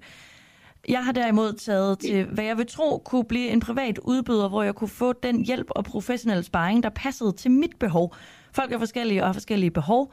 Det er min optik det, der gør jobcentret værdiløst for øh, citationstegn de raske. Ja. Har han ikke ret i, det? År, øh, I de sidste 10 år, hvor jeg har været med, der har man kommunerne brugt det, der hedder anden aktør samarbejdspartnere, private øh, samarbejdspartnere, som så har sendt for, de syge borgere ud til de der varmvandsbade øh, øh og gåture i naturen og, og, og øh, mindfulness-kurser, hvor man skal sætte sig ned på en kommunal måtte og tykke økologiske rosiner og sådan nogle ting. Øh, det har jo så ikke givet nogen effekt overhovedet. Der er bare en masse private aktører, som har skummet i kassen der. Øh, Og så er der jo det i det, at en privat aktør kan, har jo ikke en myndighed til at kunne træffe en afgørelse om en borger skal hvad hedder det, visiteres til en første pension eller flexjob, det, det vil en privat aktør aldrig nogensinde få myndighed til. Det kan ikke lade sig gøre på grund af jura. Kim Madsen, lige her øh, til allersidst, du, du, du nævner i, i dit svar, at, at du øh, har siddet de sidste 10 år, hvis ikke mere, og, og, og kæmpet de her kampe og taget de her øh, sager op. Er, er du bange for, at du mister din titel og din øh, identitet som øh, Mester Anti- jobcenter, hvis, øh, hvis jobcenterne lukker? Nej, fordi at det, øh, hvad hedder det, politikerne vil blive ved med at kveje sig, sagsbehandlerne vil blive ved med at kveje sig, de vil blive ved med at så lave en helvedes masse fejl i jobcenter. Øh, så, så min rolle, den bliver jo først udspillet den dag, at bedemanden han banker på min dør. Kim Madsen, formand for Jobcenters Offer og, og bisider i en uh, lang række jobcenter. Så tak fordi du var med her til morgen til at komme med dit syn på uh, den her mulige lukning, som i hvert fald er ønsket fra regeringen i deres nye regeringsgrundlag af Jobcenter. God dag og god jul til dig, ikke? Tak i måde. Tak. Hej. Det bliver interessant at se. Mm, og der Øh, jeg glæder er mig også godt så meget gang i til. debatten. Jamen, det er fedt. Det er øh, dejligt, at I skriver ind derude. Det kan I øh, blive ved med at gøre. Øh, jeres kommentar til Jobcenter, så kan vi samle op lidt løbende her øh, den sidste time af programmet. I kan skrive til os i vores øh, Facebook-stream, kommentarspor. I kan også sende os en sms, DUAH, mellemrum og din besked, og så afsted til 1245. Jeg glæder mig simpelthen så absurd meget til, at øh, der kommer et konkret bud på, hvordan regeringen vil øh, lukke de her jobcenter. Ja, og hvad det så skal hedde at være. Og vurdering af, som, øh, som Kim Madsen jo også er inde på, som du nævnte helt, øh, helt tidligt i morges, Karoline, øhm, der, der er meget få eksempler på, at byråkratiet rent faktisk er blevet fjernet. På, at der er kommet en, en, en mindre byråkratisk, mindre papirslæbende løsning, end den, der var der før. Mm. Det kan jo være, den kommer. Det, der er jo interessant i den diskussion, vi lige havde med Kim Madsen, synes jeg er værd at påpege, det er, at Kim Madsen har jo et, et særligt fokus på de svage, som bliver fanget i det her jobcentersystem. Mm. Og øh, det er der øh, sikkert alle mulige gode grunde til at kigge på. Men som han jo også nævner, det som jobcenteret er til for netop at få folk i arbejde, det har de jo simpelthen været enormt dårlige til. Selve deres altså, berettigelse. Mm. Og, og jeg tænker, det er jo den, med den for øje, at regeringen gerne vil, vil lave det om. Det, der så bliver interessant, det er, om de så glemmer de svage borgere, som Kim Madsen argumenterer for, netop nu har fået de rettigheder og de rigtige lovparagrafer til at kunne øh, få førtidspension, til at kunne få andet hjælp osv. Ikke? Øh, bliver de glemt igen? Det er jo det, der er Kim Madsens øh, frygt, ikke, når fokus ryger over på, øh, på alle dem, der burde Jo. have et arbejde. Og det er derfor, han øh, også tænker, at han kan blive ved med at have den her rolle. Ja, det lyder som om, at den, den, tager, han, øh, den tager han med sig i graven. Ja. Vi, øh, vi skal videre lige om lidt med, øh, med en helt anden historie, jeg tror, det smækker en lille ting på. Det skal vi nemlig. Vi øh, spørger om Putins angreb mod Kiev, Ukraines øh, hovedstad, er den ene fiasko efter den anden. Fordi øh, den øh, sidste uges tid, der har, øh, der har der været flere russiske droner, som har angrebet Kiev. Mm. Øh, senest i går, morges, mandag, blev omkring øh, 15 droner skudt ned af ukrainske styrker. Øhm, vi skal tale med Claus Mathisen, der er lektor i russisk ved Forsvarsakademiet. Han tager ikke telefonen lige nu, Det gør han vores producer, men det gør han lige om lidt. Det plejer han at gøre. Og det er jo, det er jo ret interessant, det er jo en, nogle historier, vi har, øh, vi har fulgt op på flere gange her mm. på Den Uafhængige. Både selvfølgelig fortalt, når øh, Kiev er blevet angrebet. Det er jo næsten blevet, som du også lige, øh, lige siger her i oplægget, Karoline, hver dag, Ja, ja. at, at de skyder ned i Kiev. Der er flere gange, hvor vi har hørt om de her øh, selvmordsdroner eller kamikaze-droner. Præcis, fordi det vi jo også har fokus på her på Den Uafhængige, det er, hvad angrebene egentlig er, øh, altså har været for nogle, nogle typer. Ikke? Mm. Borgmester i, øh, i Kiev, Vitali Klitko, øh, som jeg mener er den der gamle bokser. Flot udtalt. Ja, ja. Var det, var det godt udtalt? Ja, det det, er jo ikke sikkert, at ukrainer vil sige det. Nå. Men han siger i hvert fald, at der ikke er meldinger om, at nogen er kommet til skade eller døde under de angreb, der var der i, øh, i mandags. Oleksiy Kuleba, han er guvernør i Kiev-regionen, der omfatter, øh, ikke omfatter hovedstaden. Han siger, at infrastrukturen og private huse er blevet beskadiget i de her øh, droneangreb. Og det, som du, øh, du siger her, Karoline, der er jo interessant, det er, at de kalder dem jo, militæradministrationen, kalder de her droner for Shahed-droner. Ja. Og når de siger Shahed-droner, så henviser de til den iransk fremstillede Shahed 136-drone, der er, som du siger, en selvmordsdrone eller kamikaze-drone. Ordet kamikaze, det er så vildt. Det er bare Ja. smadre Men lige ned i en folkemængde eller nogle bygninger eller et eller andet. Det er meget, meget uhyggeligt.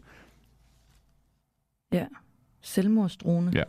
Det er blandt andet dem, de bruger i hvert fald. Nå, ved du hvad, Claus Mathisen, han tager ikke telefonen lige nu, så det jeg tænker, vi kan gøre i stedet for, det er at spille et lille klip, og det kommer faktisk meget godt i forlængelse af øh, det interview, vi havde med Kim Madsen lige før, nemlig om, øh, om hvad hedder det, øh, jobcenterne. Ja. Fordi vi har jo, øh, det er ikke kun os her, der har, øh, der har, hvad hedder det, øh, har et fokus på det her. Det har øh, de også i Boraki og Pengedoktoren, hvor Lars Christensen og Camilla Boraki netop taler om regeringsudspil i forhold til jobcentrene. Og jeg synes sådan set bare, vi skal høre et lille udkast af, hvad der er at vente i det program. Så det, jeg synes egentlig, det er en lidt sjov diskussion om jobcentrene. Det var sådan lidt, bare sådan en indskudsikning. Det lukker vi bare. Ja, okay. det var det. Øh, det var sådan lidt, okay, det, det, er lidt, det, er lidt, det er lidt voldsomt. Det, det er fint nok at sige det, men... Prøv, det er sådan noget, ikke? Det er sådan noget der. Hvis det overhovedet bliver gennemført, så bliver det lige til sidst. Det er ikke det første, de gør. Ja, eller du omdøber alle jobcentrene til Ja, ja, præcis. øh, Arbejds- øh, øh, arbejdsformidlinger. ja, Det var ja. det, de hed gamle dage, ikke? Jobformidling. Ja, jobformidling, ikke? Ja, Ja, øh, jobcirkus. Ej, Øhm, så, så kan vi og- også kalde det, hvad var det, det hed? Støtten, eller øh, Bissen. bistand. På Bistand. På, bissen. Ikke? Fedt, mand. Ja, fedt.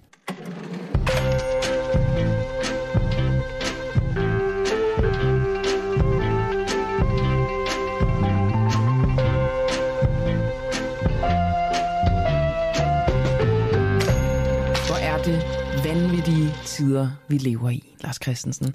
Det er så spændende. Det er en stor dag, måske også en glædens dag, fordi inflationstallet er faldet. Det var så ikke i dag, det var forleden.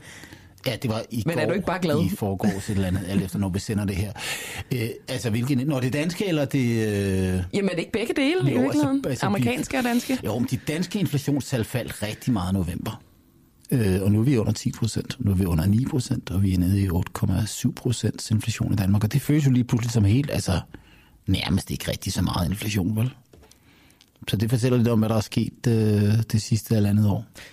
Jeg prøvede at række dig en øh, lille finger. Jeg ja. håber ikke, du tager hele armen, for vi skal mm. desværre ikke snakke om inflation. Nej, men du ved godt, jeg kan alligevel godt lide at tale en lille bitte smule om inflation og inflationsproblemer og sådan noget. Og øhm, det er jo, kan man sige, at inflationsproblemet er jo det bagtæppe, der er på hele den økonomiske politiske diskussion. Og i virkeligheden på hele den politiske diskussion, fordi det er det største problem, vi står overfor. Og det er sjovt, du siger politisk og økonomisk, for så kan jeg få lov til at introducere det, som vi faktisk skal tale om. Nu skal vi til det, som umiddelbart kunne lyde kedeligt, men som selvfølgelig bliver øh, super spændende, fordi det er dig og mig, der taler om det, Lars. Ja, jeg, jeg, altså, jeg glæder mig til det her, fordi jeg har nogle billeder, som billeder. jeg bliver nødt til at dele. Og det er ikke nogle billeder, jeg har taget, men nogle sådan sproglige billeder af, hvad det egentlig er, vi har fået i dag. Klart. Det, jeg, jeg, jeg tænker, det er, hvis vi nu ser det her som frugt og grønt, så hvis vi ser regeringsgrundlaget, så er det klart, at regeringsgrundlaget har et omdrejningspunkt, som hedder Reformer. øh, i reformer og økonomisk politik. Og det der er jo interessant er i virkeligheden, vi har jo haft en periode i virkeligheden i Danmark, hvor vi har bevæget os væk fra det der med den økonomiske politik, for det der var det give, altså det var det, det handlede om, når man havde regeringsmagten. Det var, at man, man lavede økonomisk politik, man lavede reformer. Det har vi sådan set lavet fra 1982, især fra 93 og Nyrup, at det var det, der var centralt, både for centrum-højre regering og centrum-venstre regering. Ved enten vi har haft en borgerlig eller en socialdemokratisk statsminister, så har vi ligesom haft det der gradvise fremadrettede Øh, vi skal have kontrol over de offentlige udgifter, vi skal lave økonomiske reformer, vi skal sørge for, at folk de bliver på arbejdsmarkedet, arbejder længere, arbejder hårdere, investerer osv. osv. og vi skal nedbringe gælden. Og så har vi jo haft et tre års øh, intermezzo med Mette Frederiksen, hvor vi var helt væk fra det der. Sådan usædvanligt langt væk. Og lige pludselig så ser vi et regeringsgrundlag, der lugter og smager mere nyrup og øh, torningagtigt i sin retorik og i sin form. Øh, øh, og det er mere noget, der kan være skrevet i Finansministeriet, end af en spindoktor. Og det er nok det første, jeg ligesom bider mærke i, når jeg ser det. Men når jeg så også har hørt noget, når vi ligesom har bygget op til det her over de senere dage, og hvad det var, der var på vej, så var det, der var på vej, det var en stor vandmelon. Det var virkelig, det var hele pakken, ikke? Det var topskattelettelser, det var selskabsskattelettelser, og man tænkte bare, okay, øh, Woo! er det Alex Varnoslap, der har overtaget øh, skriveriet, øh, eller Lars Christensen, øh, og, og så tænkte okay, det virker lidt vildt det her. Og så kommer annonceringen der i dag, nu er den her, altså den her øh, Vandmelon. vandmelon, og så siger jeg, ah, det er vist mest et æble. Det ligner et æble, men det er okay.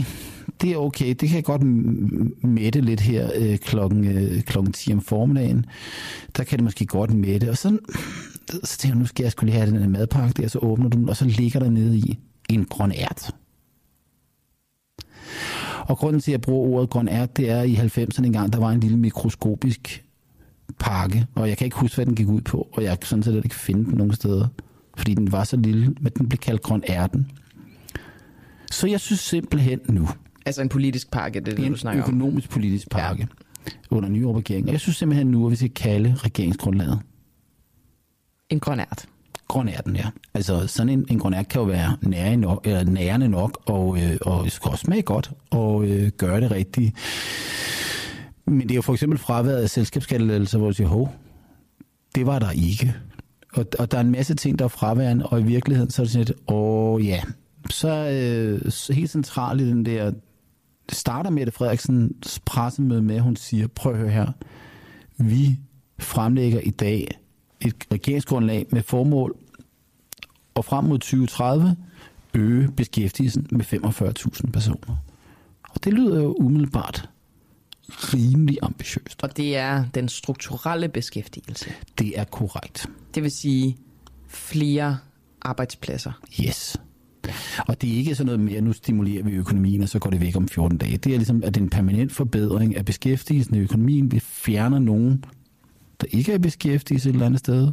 For eksempel fordi de er længe over at blive uddannet, eller at de er i dagpengesystemet, eller er gået på pension, så flytter vi dem ind i beskæftigelse. Det er en forbedring af en strukturel beskæftigelse på 45.000. Og hvis jeg bare lige skal tage regeringens ord, så vil det øge BNP med 1% svarende til 26 milliarder kroner i 2030. Yes. Blandt andet ved, og nu lister jeg bare op, flere får mulighed for at gå fra deltid til fuldtid. Woo! Flere ikke-vestlige indvandrere i arbejde, blandt andet ved at indføre en ny arbejdspligt for borgere i kontanthjælpssystemet med et integrationsbehov, flere faglærte ved styrkelse af erhvervsuddannelserne, opkvalificering, god gamle opkvalificering, Ja, det kan jeg godt blive sur over. Ja, men det, vi husker alle. Nå, er flere ufaglærte voksne og give flere seniorer lyst til at blive længere på arbejdsmarkedet. Ja. Men det, skaber det flere arbejdspladser? Ja, det gør det. Men det, der er interessant, det er, hvis man læser nogle af de baggrundsnotater, der øh, er skrevet, jeg har, har fat i et par stykker af dem i dag, altså den dag, det er fremlagt. Øhm, så når man ser på det, så er det, sådan, set ikke, så er det ikke noget af det, som, som tæller i de 45.000. Og vi kunne måske prøve at gå igennem, hvad er det egentlig, regeringens regnedreng regner med, at det der giver os de 45.000. Ja. Vi har i virkeligheden øh, øh, to til tre elementer, der, der trækker noget. Det første element, det er, believe it or not, afskaffelse af stor bededag. Ja. Og der sidder du bare og tænker, hvad i alverden, altså hvad skulle det dog hjælpe? Nå, altså der er vel flere, der så... øh, Hvad tænker du om afskaffelse af stor bededag? Altså udover, jeg, altså, at det aldrig har været en bededag, men netop fordi det er en sammenlagt flere Altså, først og fremmest tænker jeg, fuck det, for jeg har altid arbejdet alligevel. Øh, fordi at jeg ikke er sådan offentligt ansat, så det kan være ligegyldigt for mig. Men hvis jeg sådan... Altså, Jeg synes, du sagde noget interessant der. ja, Hvis du ikke er offentlig ansat. Og jeg tror faktisk lige præcis, at det er der, den største effekt kommer. Det er i virkeligheden, at man fortæller nogle offentlige ansatte, at de skal være mere produktive. De skal arbejde mere for den samme løn. ja, ja, præcis. Så, så det er sådan en lidt, lidt sådan skjult besparelse i den offentlige sektor, men det er ikke rigtig arbejdsudbudseffekt. Nej, nu stopper du. Nu stopper du. Jeg synes, vi stopper.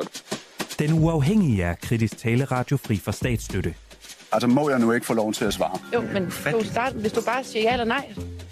Vi er et lille medie med store ambitioner, som insisterer på at få svar på vores spørgsmål. Kan det bare svare ja eller nej? ikke at bringe det her interview, og ellers øh, så øh, kommer jeg aldrig nogensinde til at deltage i noget med den uafhængige igen. Det er der nogle, der kan blive sure over, Ah, men prøv nu at høre her. Altså, men det går nok. Vi sender vores prisvindende morgenflade live alle hverdag fra 7 til 9 og derefter som podcast. Som medlem støtter du vores arbejde og får adgang til eksklusivt indhold. Det koster 59 kroner om måneden eller 499 for et år. Bliv medlem i dag på dua.dk. Prøv nu at høre efter. Lad nu være med at snakke til mig. Hvad jeg siger, jeg ikke en udtalelse har, så er det fordi, jeg mener det. Regina Fjernbo, tykaktivist, diskriminerer Lykke, Ellemann og Frederiksen tykke mennesker i deres regeringsgrundlag? Øh, ikke mere end at øh, der er blevet øh, stigmatiseret og diskrimineret mod tykke mennesker i øh, lang tid. Man kan sige, at de, øh, de fortsætter bare øh, en diskurs, der allerede eksisterer. Og god dermed godmorgen og velkommen til. Grunden til, at vi spørger dig, Regina, det er jo fordi regeringen ifølge regeringsgrundlaget arbejder for, at folk med svær overvægt kan få bedre hjælp til at tabe sig og samtidig forebygge svær overvægt. Svær overvægt er nemlig et alvorligt sundhedsproblem, står der. Men du det er forkert at sammenkæde svær overvægt med en risikofaktor for at udvikle sygdomme som diabetes, sledgigt osv.? Øh, ja, det kan altså, en vis form for kræft. Altså, hvis man ser på tallene, kan man jo se, at der er en sammenhæng. Og der er stor forskel på sammenhæng og årsag her. Men der er en sammenhæng i, at øh, jo højere kropsvægt man har, jo øh, større er risikoen for, at man får visse sygdomme. Det kan vi ikke ligesom øh, benægte, at, øh, at den sammenhæng findes, for det mm. kan vi se, at den gør. Men igen, der er forskel på sammenhæng og årsag. Øhm, og jeg synes, at hvis det her det egentlig skulle handle om øh, omkring øh, sygdom og sundhed, at så burde vi jo måske i virkeligheden at se på, folk, der var syge, i stedet for at se på øh, et tal, der er udregnet med folkeskolematematik, som aldrig nogensinde har været meningen at blive brugt på det, til at blive brugt på et individniveau. Det er BMI, du øh, tænker på her, eller hvad? Det er BMI, jeg tænker på her, fordi at det man ligesom siger, når man siger det her med øh, svær overvægt, så siger man BMI på over 35, mener jeg det er. Mm. Og det er ikke alle mennesker, der har en BMI på over 35, som er hverken øh, syge eller usunde. Men når man bruger den her meget simple regnemetode til at, øh, at finde ud af, om folk de skal have hjælp eller ej, øhm, så for det første risikerer man at øh, overbehandle øh, tykke mennesker, som ingenting fejler, og man risikerer, at man øh, ikke lægger mærke til, øh, øh hvad det hedder, øh, sygdom ved tynde mennesker, som måske faktisk kan have de samme sygdomme, men hvor vi har en fordom om, at det nødvendigvis er tykke mennesker, der kun får mm. de her sygdomme. Anerkender du, at, at svær overvægt kan være en betydelig sundhedsrisiko, og at svær overvægt kan være et, et folkesundhedsproblem? Jeg anerkender, at man kan se, at der er en sammenhæng, ja, men at der er en, øh, at, at, øh, hvad det hedder, at øh, kropsvægt er den direkte årsag, det anerkender jeg ikke, nej. Og det er der også rigtig, rigtig mange læger og forskere, som begynder at mm. sige, at måske hænger det ikke helt sådan sammen i virkeligheden, selvom vi har, øh, selvom vi har haft det fokus i rigtig mange år. Læser du det sådan i regeringsgrundlaget, at regeringen laver den kobling, at det er vægten, der afgør det? Eller? Ja, Okay. Det, det, jeg har ikke læst regeringsgrundlaget, men, men det tænker jeg helt bestemt sådan ud fra det jeg, har, det, jeg har hørt, at ja, det er et spørgsmål om, at vi skal gøre tykke mennesker sundere ved at gøre dem tyndere. Må jeg ikke men... læse det højt for dig så? Det er ikke, for det er jo, ikke så langt. Øh, svær overvægt er en betydelig risikofaktor for at udvikle en lang række sygdomme, herunder hjertekarsygdomme, diabetes, slidgigt og visse former for kræft. Svær overvægt er et alvorligt folkesundhedsproblem, og antallet af svært overvægtige forventes at stige i de kommende år. Regeringen vil styrke forebyggelsesindsatser og sikre, at mennesker med svær overvægt kan få bedre hjælp til et vejet vægttab. Uh-huh. Dine tanker, umiddelbart? Ja, men mine tanker er umiddelbart, at, øh, at igen problemet i det her, det er, at man antager, at fordi at øh, mennesker har en bestemt kropsvægt øh, og en bestemt øh, BMI, så er de nødvendigvis øh, syge og har brug for hjælp til at blive raske. Og, og det er bare ikke sådan, verden hænger sammen. Der er rigtig mange tykke mennesker, som overhovedet ingenting fejler. Og, og det man gør her, det er at sige, at det simpelthen er fordi, at man er tyk, at man er syg. Og det er det ikke nødvendigvis. Øhm, det, vi, vi er meget mere komplekse end som så, at det bare handler om, øh, om vores vægt. Og igen, så er BMI, altså som er det, vi bruger til at vurdere, hvornår nogen er svært overvægtig. Øh, BMI er et, øh, et, et simpelt regneredskab, som er lavet en gang for mange, mange, mange år siden, til at, øh, at lave vurderinger på folkesundhedsniveau. Det er aldrig lavet til at blive brugt på individniveau. Men Regina, Udover, Regina du undskyld lige afbryde, men det er fordi, du siger jo også samtidig det svar, at der er jo nogen med svær overvægt, der er øh, netop ramt af, af de her øh, sygdomme, som, som jeg øh, nævnte før. Hvorfor er det så et problem, at regeringen sætter ind over for dem? Fordi at behandlingen, som man giver til folk med svær overvægt, er anderledes end den, man giver til tynde mennesker. Men hvad nu, hvis det kan hjælpe hvis, dem med svær hvis, overvægt, at de taber sig i forhold til de sygdomme, man vurderer, de har? Men der er der er lavet forskning i det her, som viser, at tykke mennesker, som ellers er sunde og raske, bliver usundere, altså for, kommer til at få mere sygdom af, at vi sætter dem, Det er jo ikke dem, regeringen nævner. De nævner dem, der har en betydelig risikofaktor for en lang række sygdomme, herunder hjertekarsygdom, diabetes, slidgigt, vis form for kræft osv. Og den risiko vurderer de ud fra BMI. Men hvad nu, hvis det er, det er tilfældet? Det, det, er jo, det er jo det, der står i det, at folk med svær overvægt skal have hjælp til at Fjellbo, hvad nu hvis det er tilfældet? Hvad nu hvis det er tilfældet, at der er folk derude, der er på hospitalet, om det er vurderet, I har de her følgesygdomme eller sygdomme øh, på baggrund af jeres overvægt, og så vil regeringen gerne sørge for, at de får en bedre forebyggelsesindsats og sikre sig, at det ikke er overvægtet, der, overvægten, der står for, at, øh, at de bliver syge så synes jeg, man skal lave de individuelle vurderinger af de, indi- af de individer og finde ud af, hvad det er, at behandlingen skal være. Men hvor ser og så du, at de man... gør det? Hvem siger, de gør det? altså, hvis man snakker særlig meget med tykke mennesker, så, så ved man det virkelig, virkelig hurtigt. Hvis man spørger tykke mennesker, hvordan de bliver behandlet ved deres læger og i sundhedsvæsenet generelt, så ved man helt vildt hurtigt, at en, øh, en øm albue, der kan man få at vide, at man skal gå hjem og tabe sig, Men, før man står, kan øh, men tror du, regeringen har et grundlag, der hedder, at alle tykke mennesker skal øh, tages over en kamp? Det lyder det rimelig meget som, ja. Det er sådan, du læser det? Det, altså, når man siger svær overvægt som, øh, som den faktor, man ligesom bruger til at vurdere, om folk de skal have hjælp, så ja, så er vi ude i, at vi kigger udelukkende på det her simple regnestykke, der hedder BMI, i stedet for at lave en individuel vurdering. Og vi har set det rigtig, rigtig mange gange i det offentlige efterhånden, at vi laver den her, at svært overvægtige mennesker skal have hjælp til at blive sundere for folkesundhedens skyld.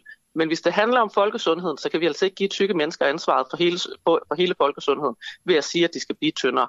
Især når vi ved, at tykke mennesker ikke nødvendigvis bliver sundere af at blive tyndere. Jeg tænker heller ikke, at de giver øh, tykke mennesker hele øh, skylden, men hvad skulle der så stå? Altså, der står ikke noget sted, at de ligesom samler alle dem med en vis vægt i en gruppe, og så siger, I skal alle sammen gøre det her. Der står, at de vil gerne lave en forebyggelsesindsats og sikre, at mennesker med svær overvægt kan få bedre hjælp til et vejt vægttab. Men det er jo, det er jo kong, altså, diskursen i det er jo, at hvis man er svært overvægtig, er man nødvendigvis usund og bliver sundere af at tabe sig. Men det er jo stadigvæk en forebyggelsesindsats mod, men, at der kan komme men, en række øh, sygdomme, som du også anerkender, at der er en sundhedsrisiko for.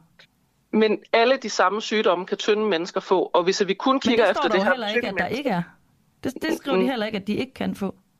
Nej, det er rigtigt nok. Men igen, her putter vi rigtig mange mennesker i en kasse på grund af deres kropsvægt, i stedet for, at vi rent faktisk ser på, hvilket behov individet har. Så det skulle være, der Nå, skulle stå, der skulle det... i stedet stå, at øh, det, der skulle slet svær overvægt, og så stå øh, noget med øh, en forebyggelsesindsats for hjertekarsygdom, diabetes, slidgigt og visse former for kræft, og så gælde hele befolkningen. Det ville da være en god idé. Okay. Hjælper de to det tænker jeg, det vil, så, vil, så vil vi også tage tynde menneskers sundhed alvorligt, i stedet for at øh, lave heksejagt på tykke mennesker. Mm. Det vil da være genialt at gøre, i stedet for kun at have fokus på vægt. Hjælper de to betegnelser, tyk og svær overvægtig, til at skelne mellem dem, der er i sundhedsrisiko, og dem, der ikke er? Øh, nej, det tænker jeg ikke, at det gør. Okay. Hvorfor tænker du ikke det? Øh, fordi at igen, der er masser af tykke mennesker, som er øh, meget mere sunde og raske end tynde mennesker, og, og, og og det viser bare ikke særlig meget om det. Udover det, hvis man kigger på BMI-kurven, hvis man kigger på der, hvor der er lavest dødelighed, så ligger den altså på øh, den, vi kalder 27, det vil sige der, hvor vi er overvægtige, det er der, hvor der er lavest dødelighed.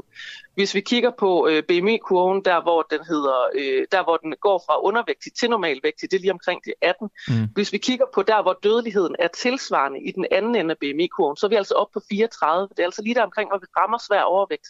Så, så det her med at bruge, som, bruge BMI som, øh, som værktøj til det her, er også øh, totalt forfejlet, fordi at vi har besluttet, at, at der hvor at vi gerne vil have, dødeligheden er, øh, eller der hvor man har en normal vægt, er ikke nødvendigvis der, hvor dødeligheden er lavest. Regina, jeg, jeg, så jeg synes, det er ret interessant. På, så, ja. så skal vi jo kigge på BMI, også hvordan vi bruger BMI. BMI er altså også et politisk værktøj, som vi kan bruge til at beslutte os for, hvordan at vi gerne vil have en befolkning ser ud. Og sådan som vi har indrettet normalområdet med BMI PT, der ligger dødeligheden, altså den laveste dødelighed, altså uden for normalområdet. Regina, jeg, jeg synes, det er ret interessant der, fordi vi, vi slår fast i begyndelsen af interviewet, at der er en, en risikofaktor for udvikling af de her sygdomme, hvis man har... Der er en svær... sammenhæng overvægt. Ja, der er en sammenhæng. Øhm, der er ikke årsag og sammenhæng er to forskellige ting, og det, det er vigtigt at Jeg siger heller ikke, det er årsagen. Jeg siger bare, at der er, vi, vi kan se, at der er folk, det var det, vi sagde, slog fast tidligere, der er folk med svær overvægt, der har problemer med en lang række sygdomme, herunder dem, jeg nævnte før. Jeg gider ikke nævne dem igen. Øhm, ja. Det, det, det, vi så også slår fast her, det er, at det ville være bedre for dig, hvis det var sådan, at der bare stod, at det var alle mennesker. Så kunne man så argumentere for, at det, det er det, der ligesom er grunden til, at vi overhovedet har et, et sundhedsvæsen. Men et løsningsforslag her fra vores side af, vil det, vil det gå bedre med regeringsgrundlaget, hvis de ligesom skældnede imellem en sund tykkhed og en usund tykkhed? Øh, jamen igen, så tænker jeg, at det, det, hvad, hvad er det, det betyder med en sund tykkhed og en usund tykkhed? Og igen så... Du siger øh, så, selv, at man godt kan være sund og tyk, så det må du ja, vide. Ja, ja, Nej, nej, fordi at det er jo det, der er problemet. Vi kan ikke se på et individ. Vi kan ikke kigge på en person med en stor krop og konstatere, om de er sunde eller usunde. Nej, men så kan man vel måle det, hvis, hvis du... Du mener jo, at man kan godt være øh, sund og tyk, og det har du sikkert ret i, men så kan vi vel godt måle det. Ja, altså ja, man dem, kan lave... Som ikke er det. Ja, Men det, det er jo det samme med tynde mennesker. Hvis vi nu tager blodprøver, og vi måler blodtryk og alle sådan nogle ting, der kan vi se helt vildt meget af i forhold til folks sundhedsstatus. Så hvis vi gerne vil vide, om folk er usunde eller ej, og om de i de her, øh, i, ligger i risiko for at udvikle det her sygdom, så skal vi bare lave de samme undersøgelser på tykke mennesker, som vi gør på tynde mennesker. Mm. Det er ikke mere kompliceret end det. Regina, lidt, lidt senere på morgen, der skal vi snakke med Jens Brun fra det Nationale Center for Overvægt. Han ved, at du også selv har, har talt med. Øh, mm. Burde vi helt lukke det? Altså, Nationale Center for Overvægt? Øh, det, det ved jeg ikke, men jeg tænker, at øh, de måske kunne øh, have et andet fokus øh, end, end det, de har, som øh, er relativt væk, vægttabsfokuseret stadigvæk. Mm. Øh, men, men altså, det er ikke mig, der har hverken magten eller øh, øh, indsigten nødvendigvis til at vide det. Jeg ved rigtig meget om stigmatisering og diskrimination, og, øh, og det ved jeg, at øh, National Center for Overvægt også arbejder med. Øh, men altså, om vi skal lukke forskningsenheder, det er ikke, ikke min ting at sige. Jamen, det er også okay. Det er også okay. Det var bare det, det går, at du havde en holdning til det jo. Øh, Regina, men lige til sidst, nu, nu skal vi jo tale med ham også om det her med regeringsgrundlaget. Hvad, hvad vil du gerne spørge ham om i forhold til regeringsgrundlaget? Åh, oh, jamen, jeg ved ikke, om jeg vil spørge om noget i forhold til regeringsgrundlaget. Jeg har så mange andre ting, jeg hellere vil snakke okay. med ham om. Jamen, du, hvis du havde noget, ville vi give det videre. Men det er okay, Regina. Vil du have tak, fordi du var med her til morgen. Jeg til tror at, godt, uh, han ved, hvor jeg står Ja, men det er jeg ikke i tvivl om. Lige til allersidst, Regina. Er, er, er regeringen tykfobiske, som du ser det? Altså, hele, hele den offentlige sektor og, øh, og, og politiske systemer og sundhedsmyndigheder i Danmark er utroligt tykfobiske. Så ja, det vil jeg mene, at det er. Tak for det, Regina. Det var så lidt. Nu skal vi finde ud af, om øh, danske fiskere bedriver ulovlig rovdrift i norske farvand. Ja. Øhm, der er en øh, lytter ved navn Morten Rosenvold Villassen, der har tippet os om, øh, at nogle danske fiskere øh, til synlandet fisker ulovligt efter en fredet fiskeart i Norge. Øhm, Morten han er forfatter og foredragsholder om havet, og har altså tippet os om den her historie. Og meget mere ved jeg altså ikke. Og det er det, vi skal blive klogere på Præcis. sammen med, med Morten om, om to sekunder, når, når vi lige har fået ringet ham op. Han skal lige fortælle os, hvad er det, er det for en historie, han har, han har tippet os omkring, hvad er problemet? Mm. Og så, øh, så tænker jeg, at det forhåbentlig kan sætte gang i en følgetong. I her havde det med i, øh, i sidste uge, der Nej, fortalte men det var noget andet. noget med fiskekvoter. Ja, det er fordi, ja. man jo gerne må fiske efter torsk nu i, i langt højere grad, men han har måttet tidligere en fisk, som jo ellers har øh, haft sådan, altså nu, nu siger jeg det mildt, rimelig stramt over de sidste par dage, over de sidste år. Morten Rosenvold Villassen, godmorgen. Godmorgen. Fortæl os lige øh, om den her historie. Altså, det er jo en historie, der gentager sig år efter år, øh, kan man sige. Altså, vi har øh, hovedpersonen, eller hvad skal man sige, ham, der ligesom råber højt, det er en øh, norsk øh, naturmand fra, hvad der svarer til den norske naturfredningsforening, Naturværnsforbundet, Per Erik Schulze, som øh, siger, at jamen, vi har altså et problem her. Vi har en nationalpark, øh, som også er en havnationalpark, en marin nationalpark, og øh, hvert år er der danske fiskere, der kommer op og fisker de helleflyndere, som byder herop, og som vi forsøger at passe på, og derfor har vi lukket for fiskeriet. Øh, men øh, vi har altså en, nogle danske kutter, som kommer op og tråler øh, den havbund, som vi begynder eller forsøger at beskytte. Og de fanger rigtig mange helleflynder, og de fanger rigtig mange også bifangst, altså store skader og, og ting, som også er troede øh, store fisk. Og hvor ved du det Og måske skal de... Nå, men man kan jo se... Øh, man kan sige, at jeg ved det jo ikke som sådan. Jeg er jo hverken politimand eller så videre, men jeg, jeg kan jo se, at den her historie handler om, at Per Erik, han, øh, han ser båden komme ind i, øh, i det forbudte område og lave de der karakteristiske øh, hvad skal sige, sejlebevægelser, som når man trækker et trål gennem vandet, man kan se, hvor hurtigt de sejler frem og tilbage, og man kan se, at de laver sådan nogle parallelle spor øh, igennem området. Og så er de så selv øh, på samme øh, fiskekutter lagt op på deres Facebook, at nu har de været op ved Norge og fanget en masse helleflynder, og så er de står de og poserer med dem, for det er en stor, flot fisk. Måske skal jeg fortælle lidt om, hvad en helleflynder er. Mm, gerne. Ja, en helleflynder er øh, en kæmpe fladfisk. Altså, alle kender en rødspæt eller en skrubbe, men det her, det skal man så gange med måske øh, 50 eller sådan noget. Ikke? Altså, helleflynder kan blive flere meter lange, øh, som et rigtig stort spisebord, og de kan veje flere hundrede kilo, og altså være, næsten være en 40-50 cm tykke. Så det er nogle kæmpe fisk, øh, som øh, lever på bunden, og det er rovfisk, de spiser torsk, og de spiser andre store fisk, og, så, og de jager også oppe i vandet osv. Og man kan sige, at det er også en mytisk fisk for så vidt. Altså, den gamle dage troede man, at den kunne give øh, folk ønsker og sådan nogle ting. Der er et, et kendt øh, folkesavn, hvor der er en, der kalder på en flønder, flønder og så videre, og så kunne den give ønsker og sådan noget. Så det, er- det er ikke bare en hvilken som helst fisk. En helflønder er en, ja, måske havets svar på en elefant eller et eller andet. Det er en fantastisk fisk, og vi havde den. Vi havde den i Danmark. Den var almindelig nede i Kattegat. Den blev fanget i snækkersten og så videre store fisk op til 100 kilo og så videre, øh, men de har simpelthen fisket dem bort. Øh, vi har fisket dem ud af Kattegat og af dansk farvand, hvor vi har gennemtrålet det hele. Kattegat bliver jo gennemtrålet to gange hvert eneste år øh, på kryds og tværs, øh, primært efter jomfruhummer, som er det eneste, der er tilbage efterhånden, hvor vi har fanget alle fiskene. Så, så kan helblænderen væk, men den er beskyttet og har det øh, bedre i Norge, og øh, når de så samles der på et par hundrede meters dybde så, øh, og gyder, så er det, at, øh, at, at man skal give dem fred. Øh, fordi så kan de producere en masse nye helfønder. Og problemet er så, hvis man kommer øh, og gennemtråler et område, som i er fredet og nationalpark, øh, på en, en fisk, som er presset og internationalt troet, og man så, hvad hedder det, lander de der øh, fisk og sejler hjem til Danmark igen. Øh, og man kan sige, finten er, at man skal også lige huske at sejle igennem et farvand, hvor man gerne må tråle, og så laver man nogle trålspor der, og så når man kommer tilbage i Dansk Havn, øh, så har man ligesom et alibi om, hvor man har fanget fiskene. Så det er ligesom sådan det klassiske mønster for, hvordan det er gjort. Og det fik de en bøde for sidste år at have lavet det trick, så det er ikke noget, der ligesom sådan, altså det er, øh, det er ligesom, øh, det, det er det, det, det, der helst ikke skulle gentage sig. Morten, und, undskyld, jeg afbryder, men, men problemet er, at helleflynderen er fredet i Norge, eller hvad? Ja, i det, altså man kan sige, den, øh, fredningen starter i dag. Men man kan sige, der har jo også, ud over det, så har du nationalparkområder, hvor du slet ikke må øh, hvad hedder det, øh, fiske på den måde. Mm. Okay. Men, men ja, okay. Hvor mange... Altså, hvor stort er det her problem? Hvor mange fanger de? Øhm, om de fanger nogle tons. Øh, problemet er jo, når man fanger nogle tons af, det, af, af en fisk, som er presset i forvejen. Øh, og øh, hvad hedder det... Og du kan altid sige, jamen har vi ikke større problemer, er klimakatastrofen ikke større, og så videre, så videre. Men det her, det er jo et symptom, altså den her historie er jo et symptom på det, der sker i fiskeriet generelt. Altså, at man ikke har forvaltet sine egne øh, fiskeressourcer ordentligt, og derfor er man nødt til at øh, tage på plyndringstogt. Hvis jeg skal blive sådan lidt en viking-terminologi her mellem de skandinaviske lande, så, øh, så tager man på togt til andre gode fiskepladser, øh, som andre forsøger at beskytte, og så fanger man sine fisk der i stedet for. Hvordan kan det lade sig, Øh, Hvordan kan det lade sig gøre det her, Morten? ja, det er et virkelig godt spørgsmål. Og der må du pege på politikerne. Fordi fiskerne har... Danske. Begge måske. Ja, netop, netop, netop begge. Ikke? Fordi altså, fiskerne har øh, med god grund et blakket ry omkring øh, overholde lovgivning og, og, og skære hjørner og snyde lidt på vægten.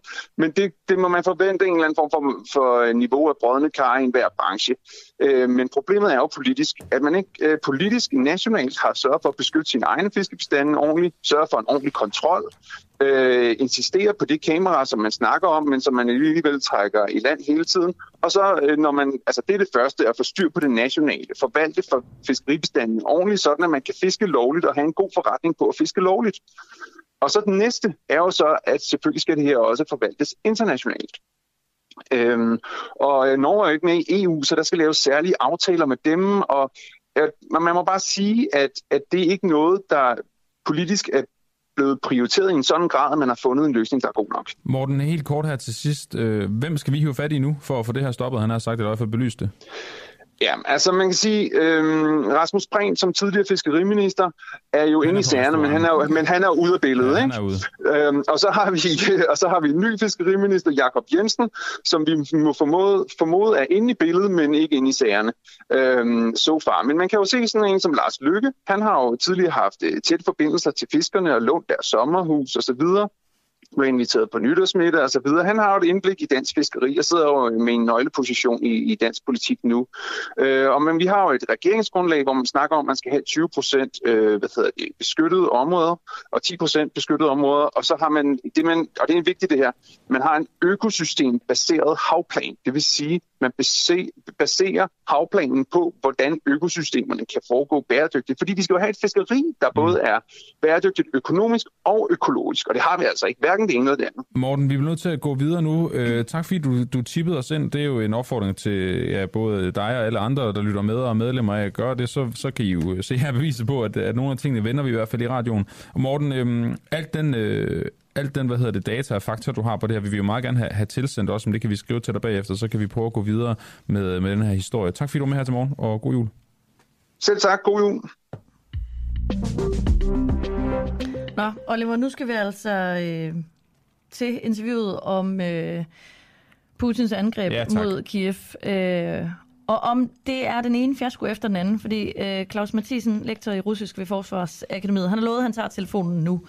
øhm, den sidste uges tid, øh, der har der været flere russiske droner, som har angrebet øh, hovedstaden Kiev i Ukraine, og senest i går, der øh, blev øh, omkring 15 droner skudt ned af ukrainske styrker. Øh, vi skal høre, hvad, hvad det er for en form for angreb, øh, dronerne de kan lave. Og øh, jeg tror, Claus han er på nu.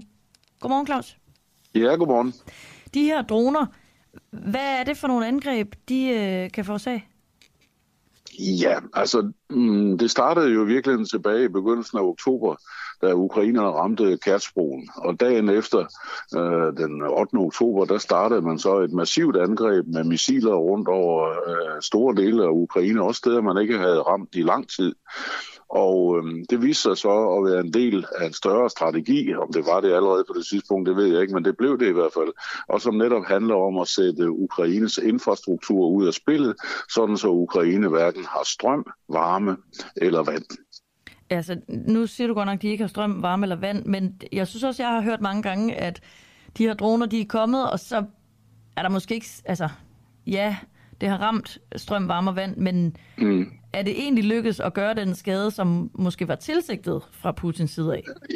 Jeg tror godt, man kan sige, at i hvert fald i den første måneds tid, hvor man gennemførte de her angreb, altså frem til starten af november, der, der var det relativt effektivt, indtil ukrainerne fandt ud af at etablere tilpas med luftforsvar, der kunne skyde en øh, betydelig del af dem ned. nord. I dag taler man i reglen om, at når russerne sender et eller andet antal droner ind, så er det 80, måske 85 procent af dem, der bliver skudt ned. Så der er ikke nær så mange, der rammer deres mål, som der var i starten, og det er selvfølgelig godt for ukrainerne. Så til spørgsmålet om Putins angreb mod Kiev er den ene fiasko efter den anden. Hvad er så svaret?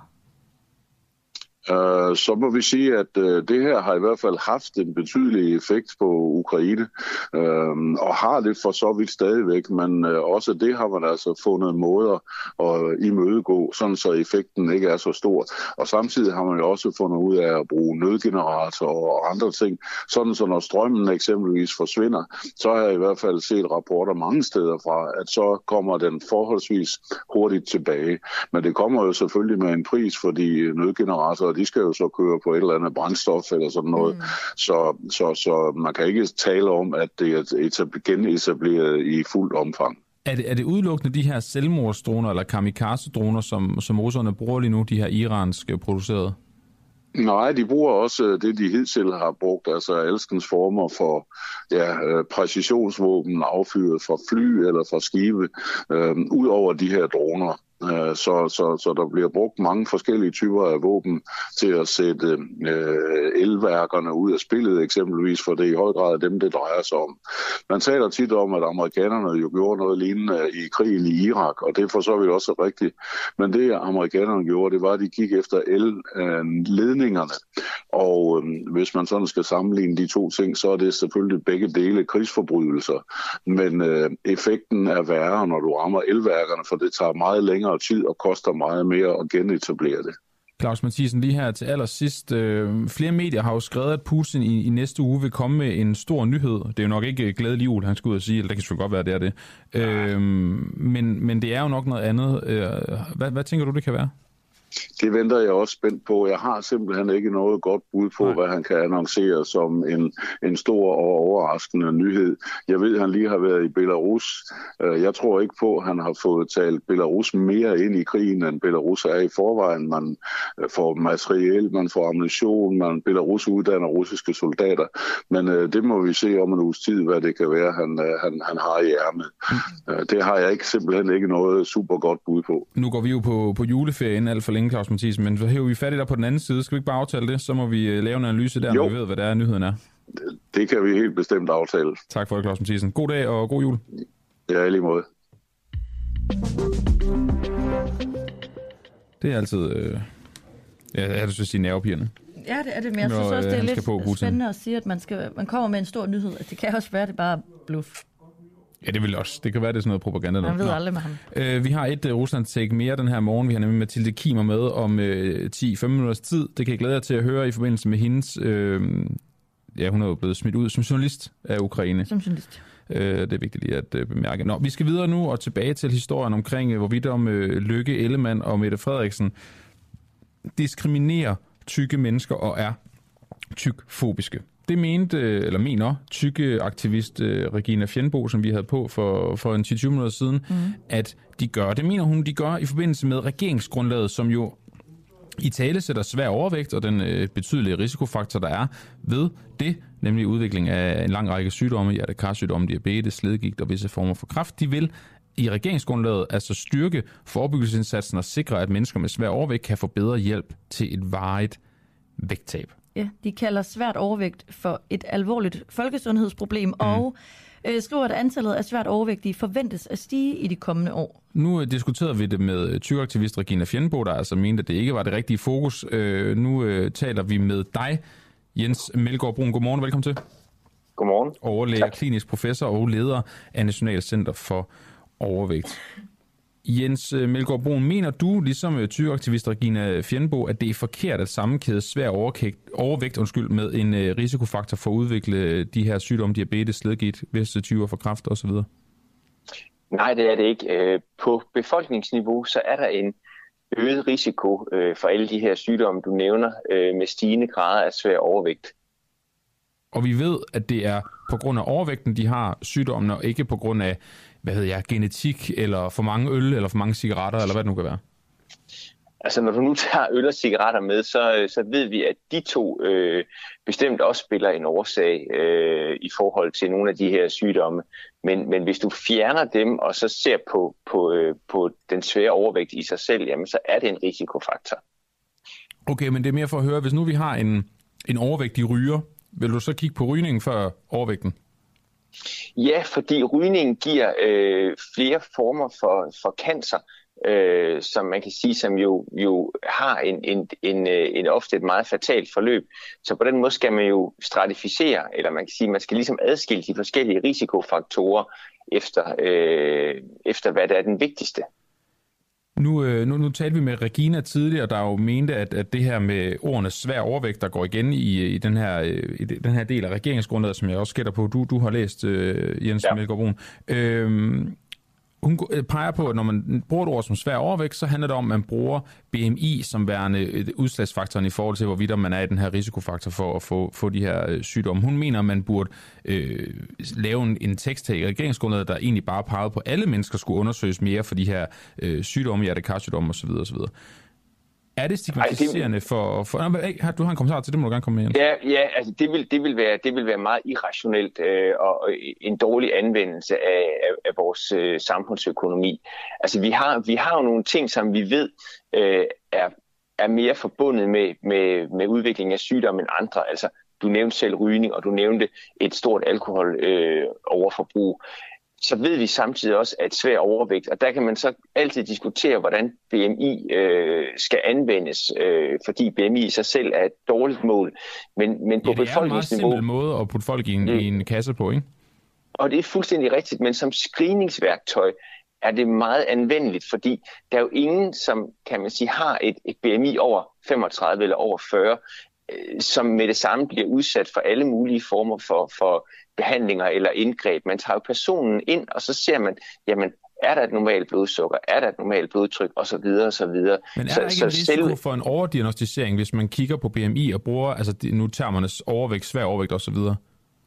Jeg tror, man skal se på det som om, at det her er en, en, en risikofaktor, ligesom alle mulige andre risikofaktorer. Og så skal man selvfølgelig forholde sig til den, således at man ikke stiger sig blind på, at det netop bare er højden og vægten i forhold til hinanden. Mm. Ja, ja. Regine Fjernbo, hun øh, argumenterer jo meget for, at man skal skelne mellem at være altså, sund tyk og usund tyk. Og det har hun fuldstændig ret i. Altså man kan sige, hvis vi tager et, et eksempel med et, øh, et BMI, som er, det kan være 38, siger at man har meget svær overvægt. Men hvis øh, man så har placeret øh, hovedparten af den ekstra vægt på hofter og baller og lår, jamen så har man det, vi kalder for en pæreform, øh, og det er forbundet med en, en nedsat risiko, for eksempel for at udvikle øh, forskellige sygdomme. Hvis man derimod har ved samme BMI, har placeret alt sit fedt mellem tarmene på maven, altså æbleformen, jamen så er det forbundet med en øget risiko. Så man, så man kan ikke bruge BMI isoleret til at, og, og hvad skal man sige, og, og, og, og, og ligesom begynde at, at jagte folk rundt, men man skal derimod bruge BMI til, til en, en slags yderligere screening og sige, at et BMI på 38, det afføder så en masse andre undersøgelser, så man kan netop kan adskille de personer, som har citationstegn sund overvægt, fra dem, der har en usund overvægt. Så så længe vi bruger BMI, så kan vi faktisk ikke skelne mellem sund tykkhed og usund tykkhed. Nej, men man skal også kun, man skal også kun anvende BMI som, som den der risikofaktor, øh, som det er, og så skal man selvfølgelig se på personen. Det gør vi jo i alle andre sammenhænge, så selvfølgelig gør vi også det her. Ja, men, men Jens Melgaard Brun, når vi bruger ordet svær overvægt, det, det er jo en definition, der kommer på baggrund af BMI. Ja, så kan, vi vel ikke, så, så kan vi vel ikke, hvis, hvis det er det, hvis det, er det ej, hvad hedder det redskab, vi bruger, så kan vi vel ikke, som det er nu, når vi har sat det op, som vi gør, og som regeringen gør i regeringsgrundlaget, skelne mellem sund tykkhed og usund tykkhed.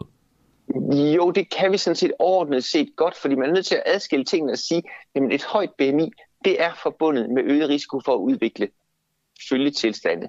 Okay, Og- så, så, og det, det så det giver mening, at man i første omgang siger, Ja. øh, du er svær overvægtig, og så finder man først bagefter ud af, hvorvidt om du er øh, sund tyk Ja. eller usund tyk.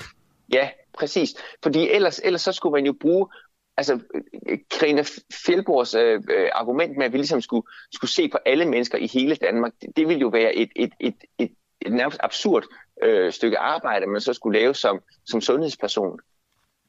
Øhm, men det lyder så også som om, nej, nu skal jeg ikke, jeg stiller ikke, jeg stiller ikke et ledende spørgsmål, jeg stiller et lukket spørgsmål der.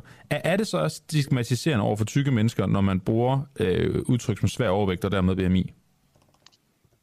Øh, ikke ordet. Ordet er jo sådan set et, øh, et redskab, som vi anvender inden for, for, for sundhedsvæsenet. Men og det har vi gjort i meget... stigmatiserer man vel tykke mennesker, hvis man siger, eller overvægtige mennesker, hvis man bruger BMI først, som er en lang række mennesker, og så først efterfølgende finder ud af, om det er en sund tykkhed eller usund tykkhed. Så er der vel Jamen, per, per definition en stigmatisering i første omgang.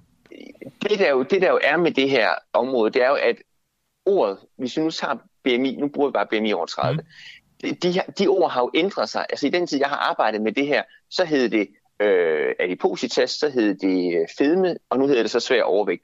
Så, så, så der har jo været en, kan man sige, en udvikling rent sprogligt i at definere de her personer, som har den her usunde øh, vægtproblematik.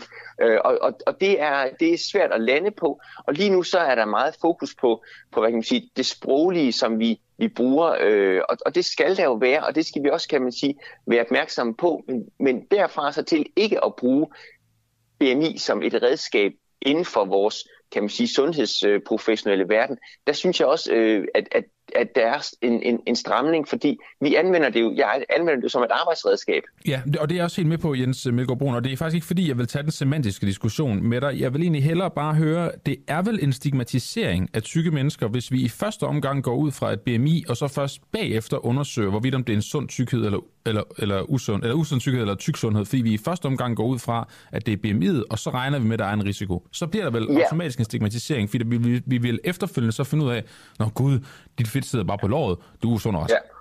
Og, og det kan man så også godt sige, men det der også er, det er, Men er at det det her har rigtigt? ligesom... Jo, jo, men det, det, det, er, det, det er fuldstændig rigtigt. Så der er en stigmatisering af, af tykke mennesker, når man bruger de ord, og man gør det på den måde, man gør det på.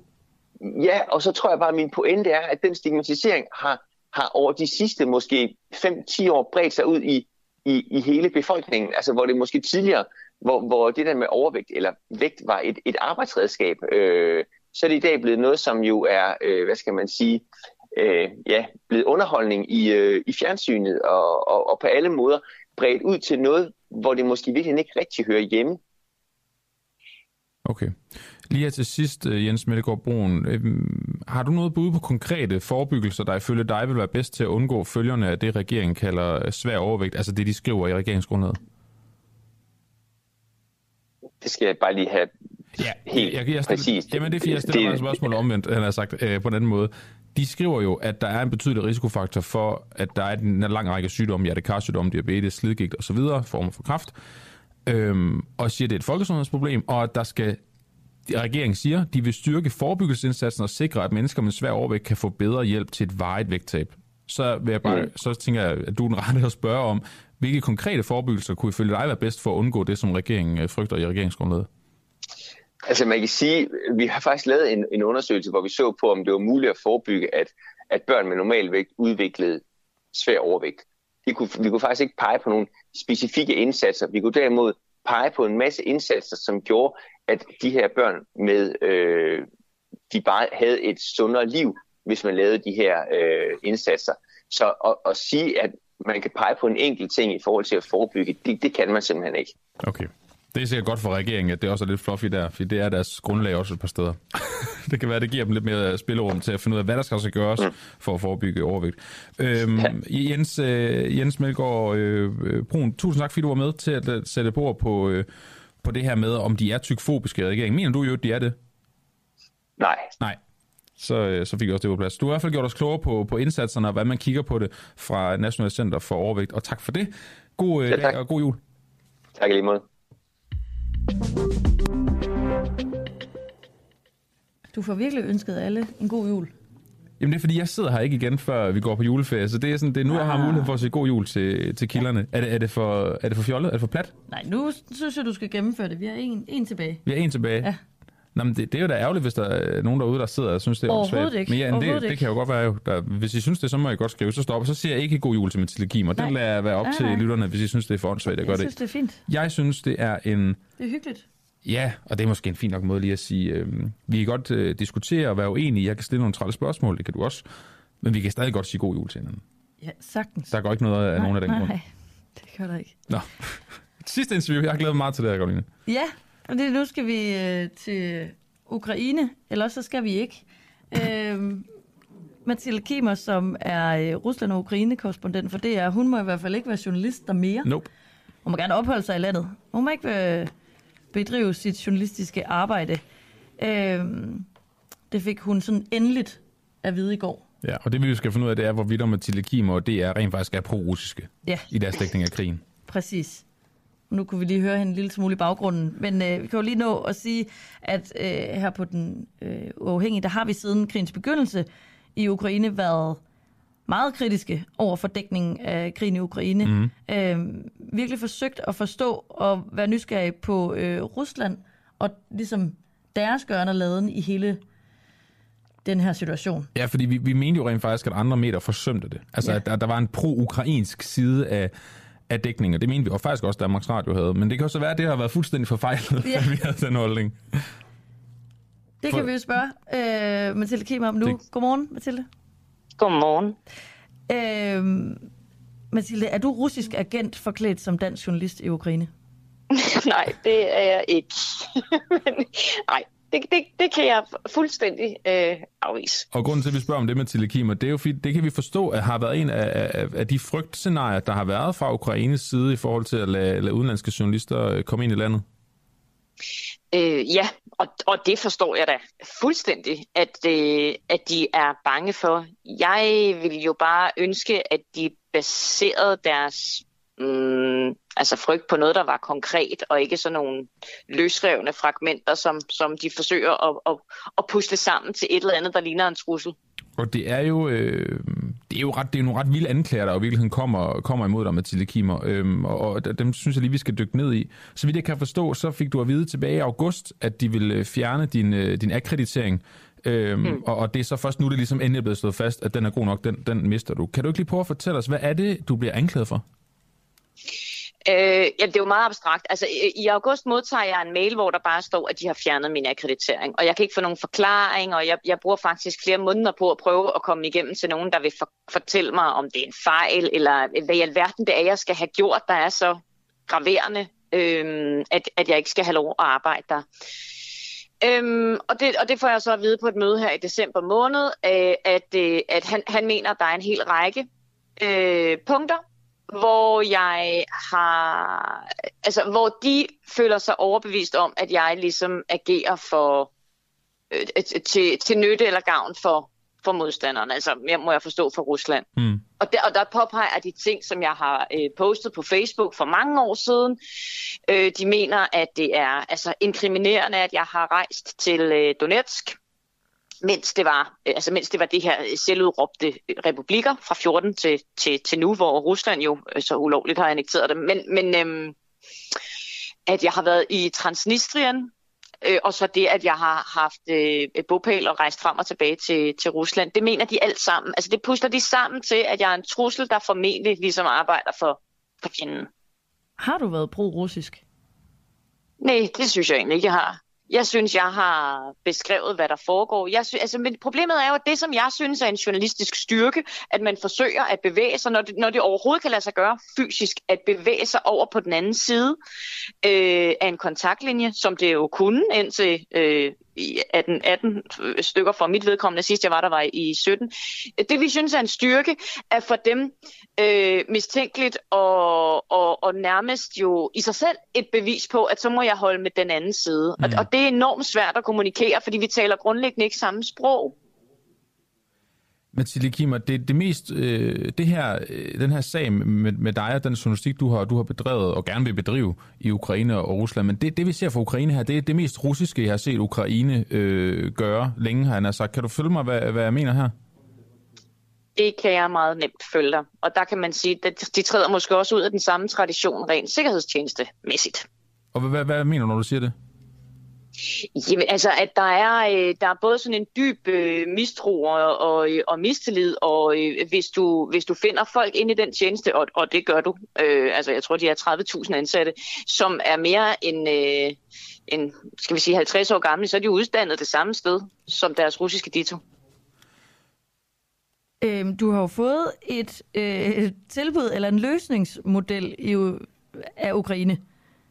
Er det ikke rigtigt? Jo, jo, det tror jeg, de mener, at det, at det kunne være, ja. ja.